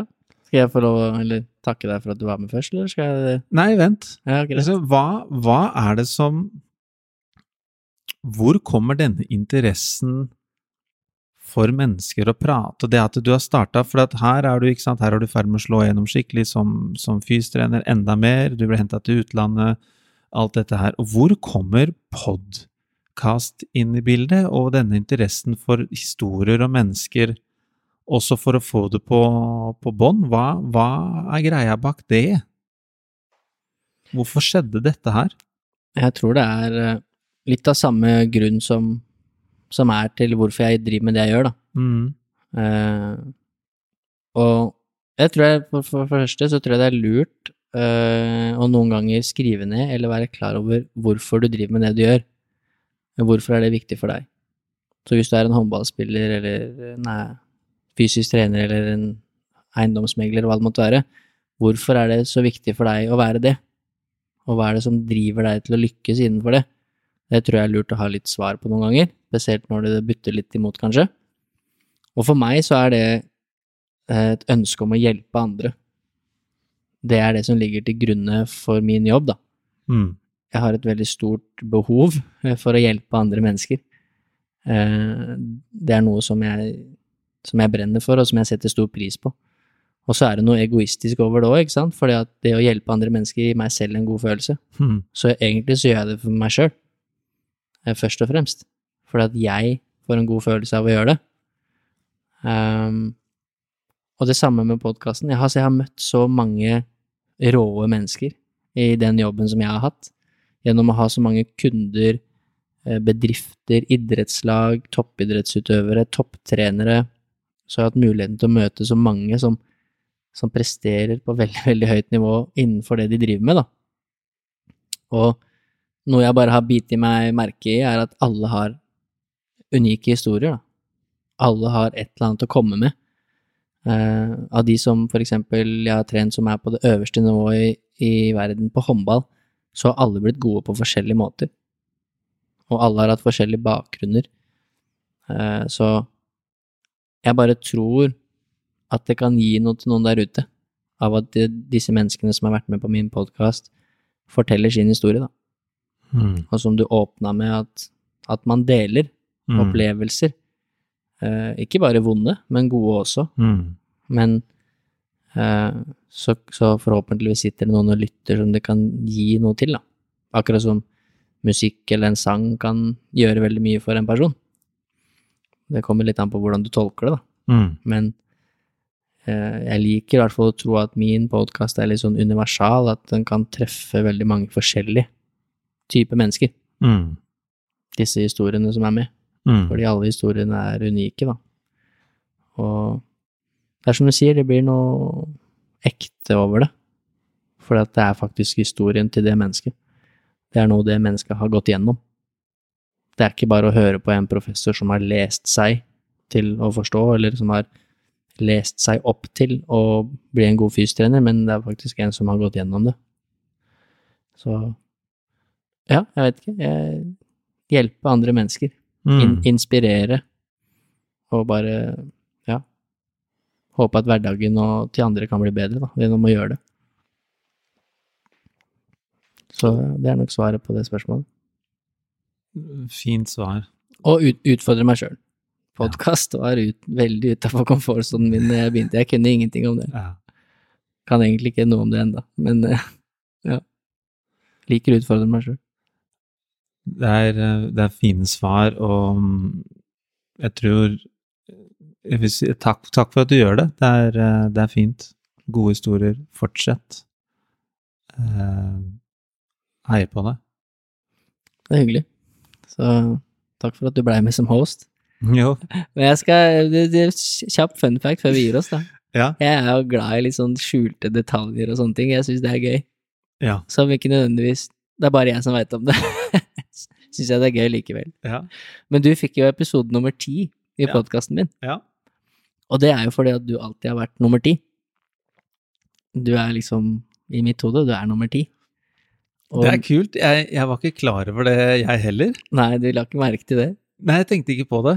Men uh, det er dritkult. Det er det. Og så er uh, min episode er jo nummer 14. Og det er også egentlig bare fordi at jeg har alltid vært nummer 14, da. Thierry Henry. Så du og jeg har vært nummer 10 og 14 i mange år. Så det er en skjult detalj jeg har jobba for å klare å få inn, da. Du har det. Logistikken på podkasten. Det er derfor du var litt på nå. Jeg måtte få den ut nå. For å få den til å bli nummer 14. Å, så kult. Nei, men det Nei, jeg setter pris på at du stilte opp, og jeg håper at det er noen som ja, får et eller annet ut av det, i hvert fall. Ja. Tusen takk, Rudi. ja, ja. Bare hyggelig. Tusen takk for at du har satt av tid til å lytte. Det setter jeg stor pris på, og jeg håper at du sitter igjen med noe verdifullt. Hvis du ønsker mer inspirasjon til trening og helse, følg meg, coach Elo, på Instagram. Der kan du også stille meg spørsmål, samt komme med tilbakemeldinger til podkasten. Du finner lenken i episodebeskrivelsen.